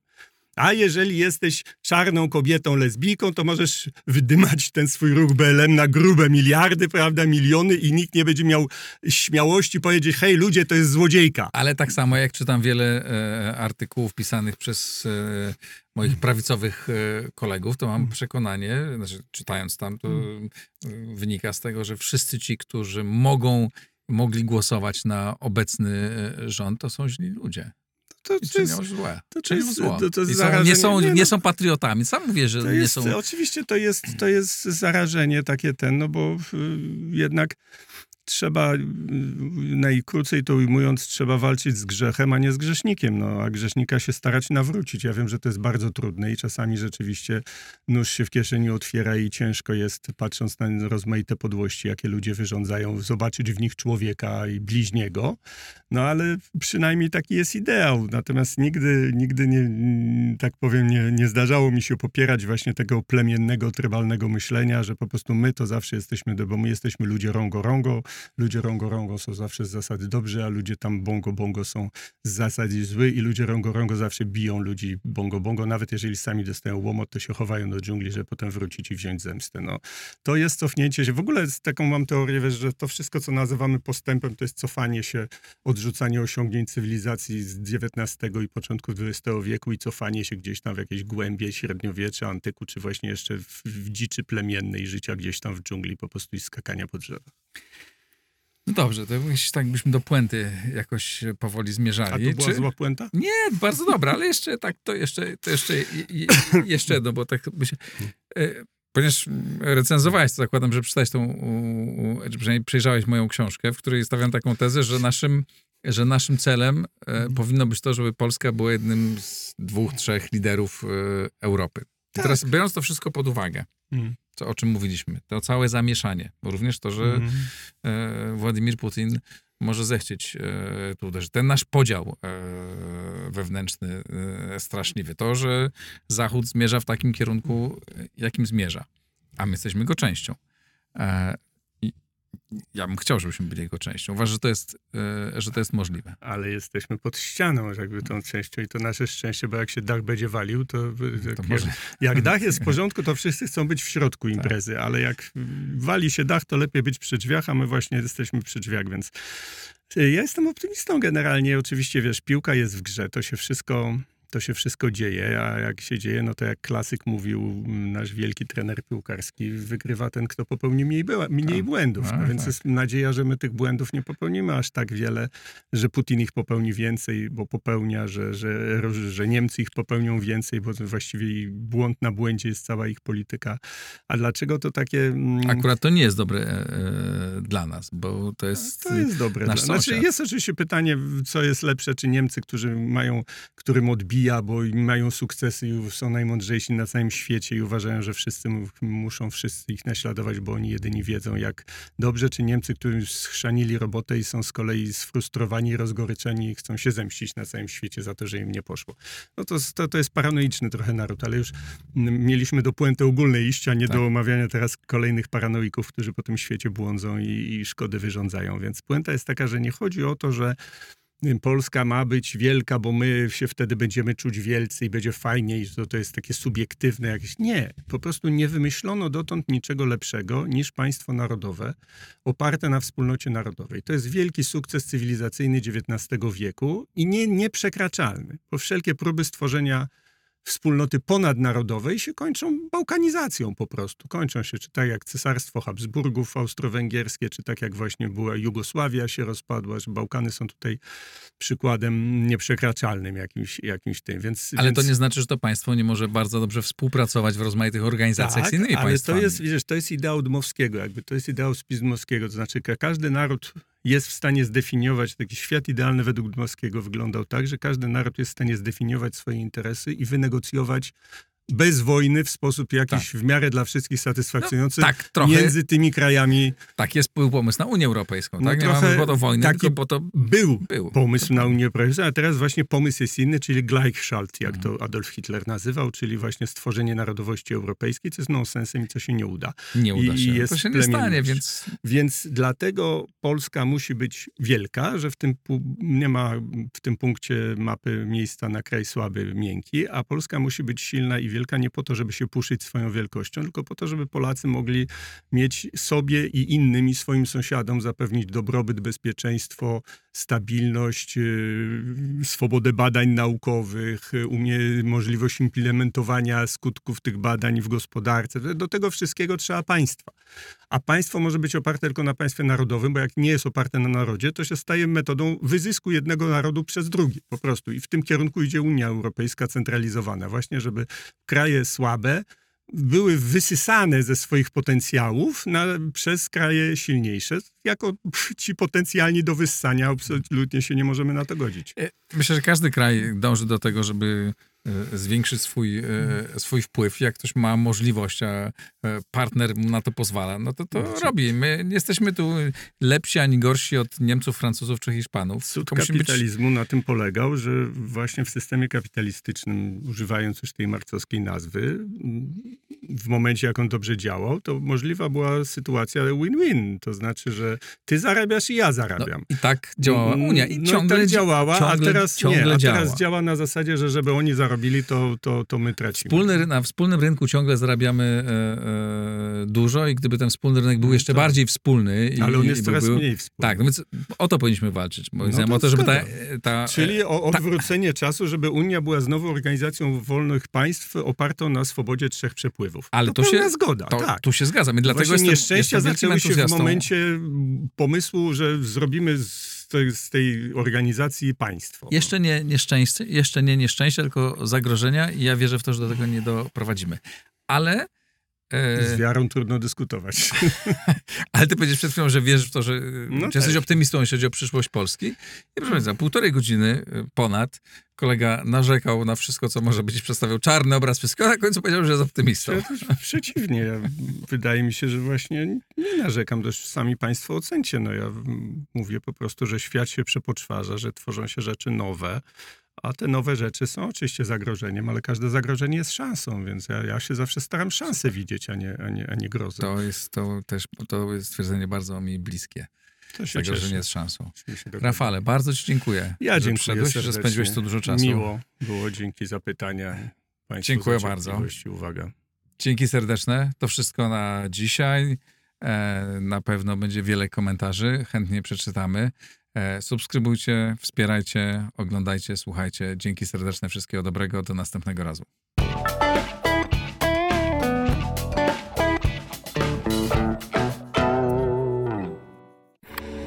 Nagraj to w blisko.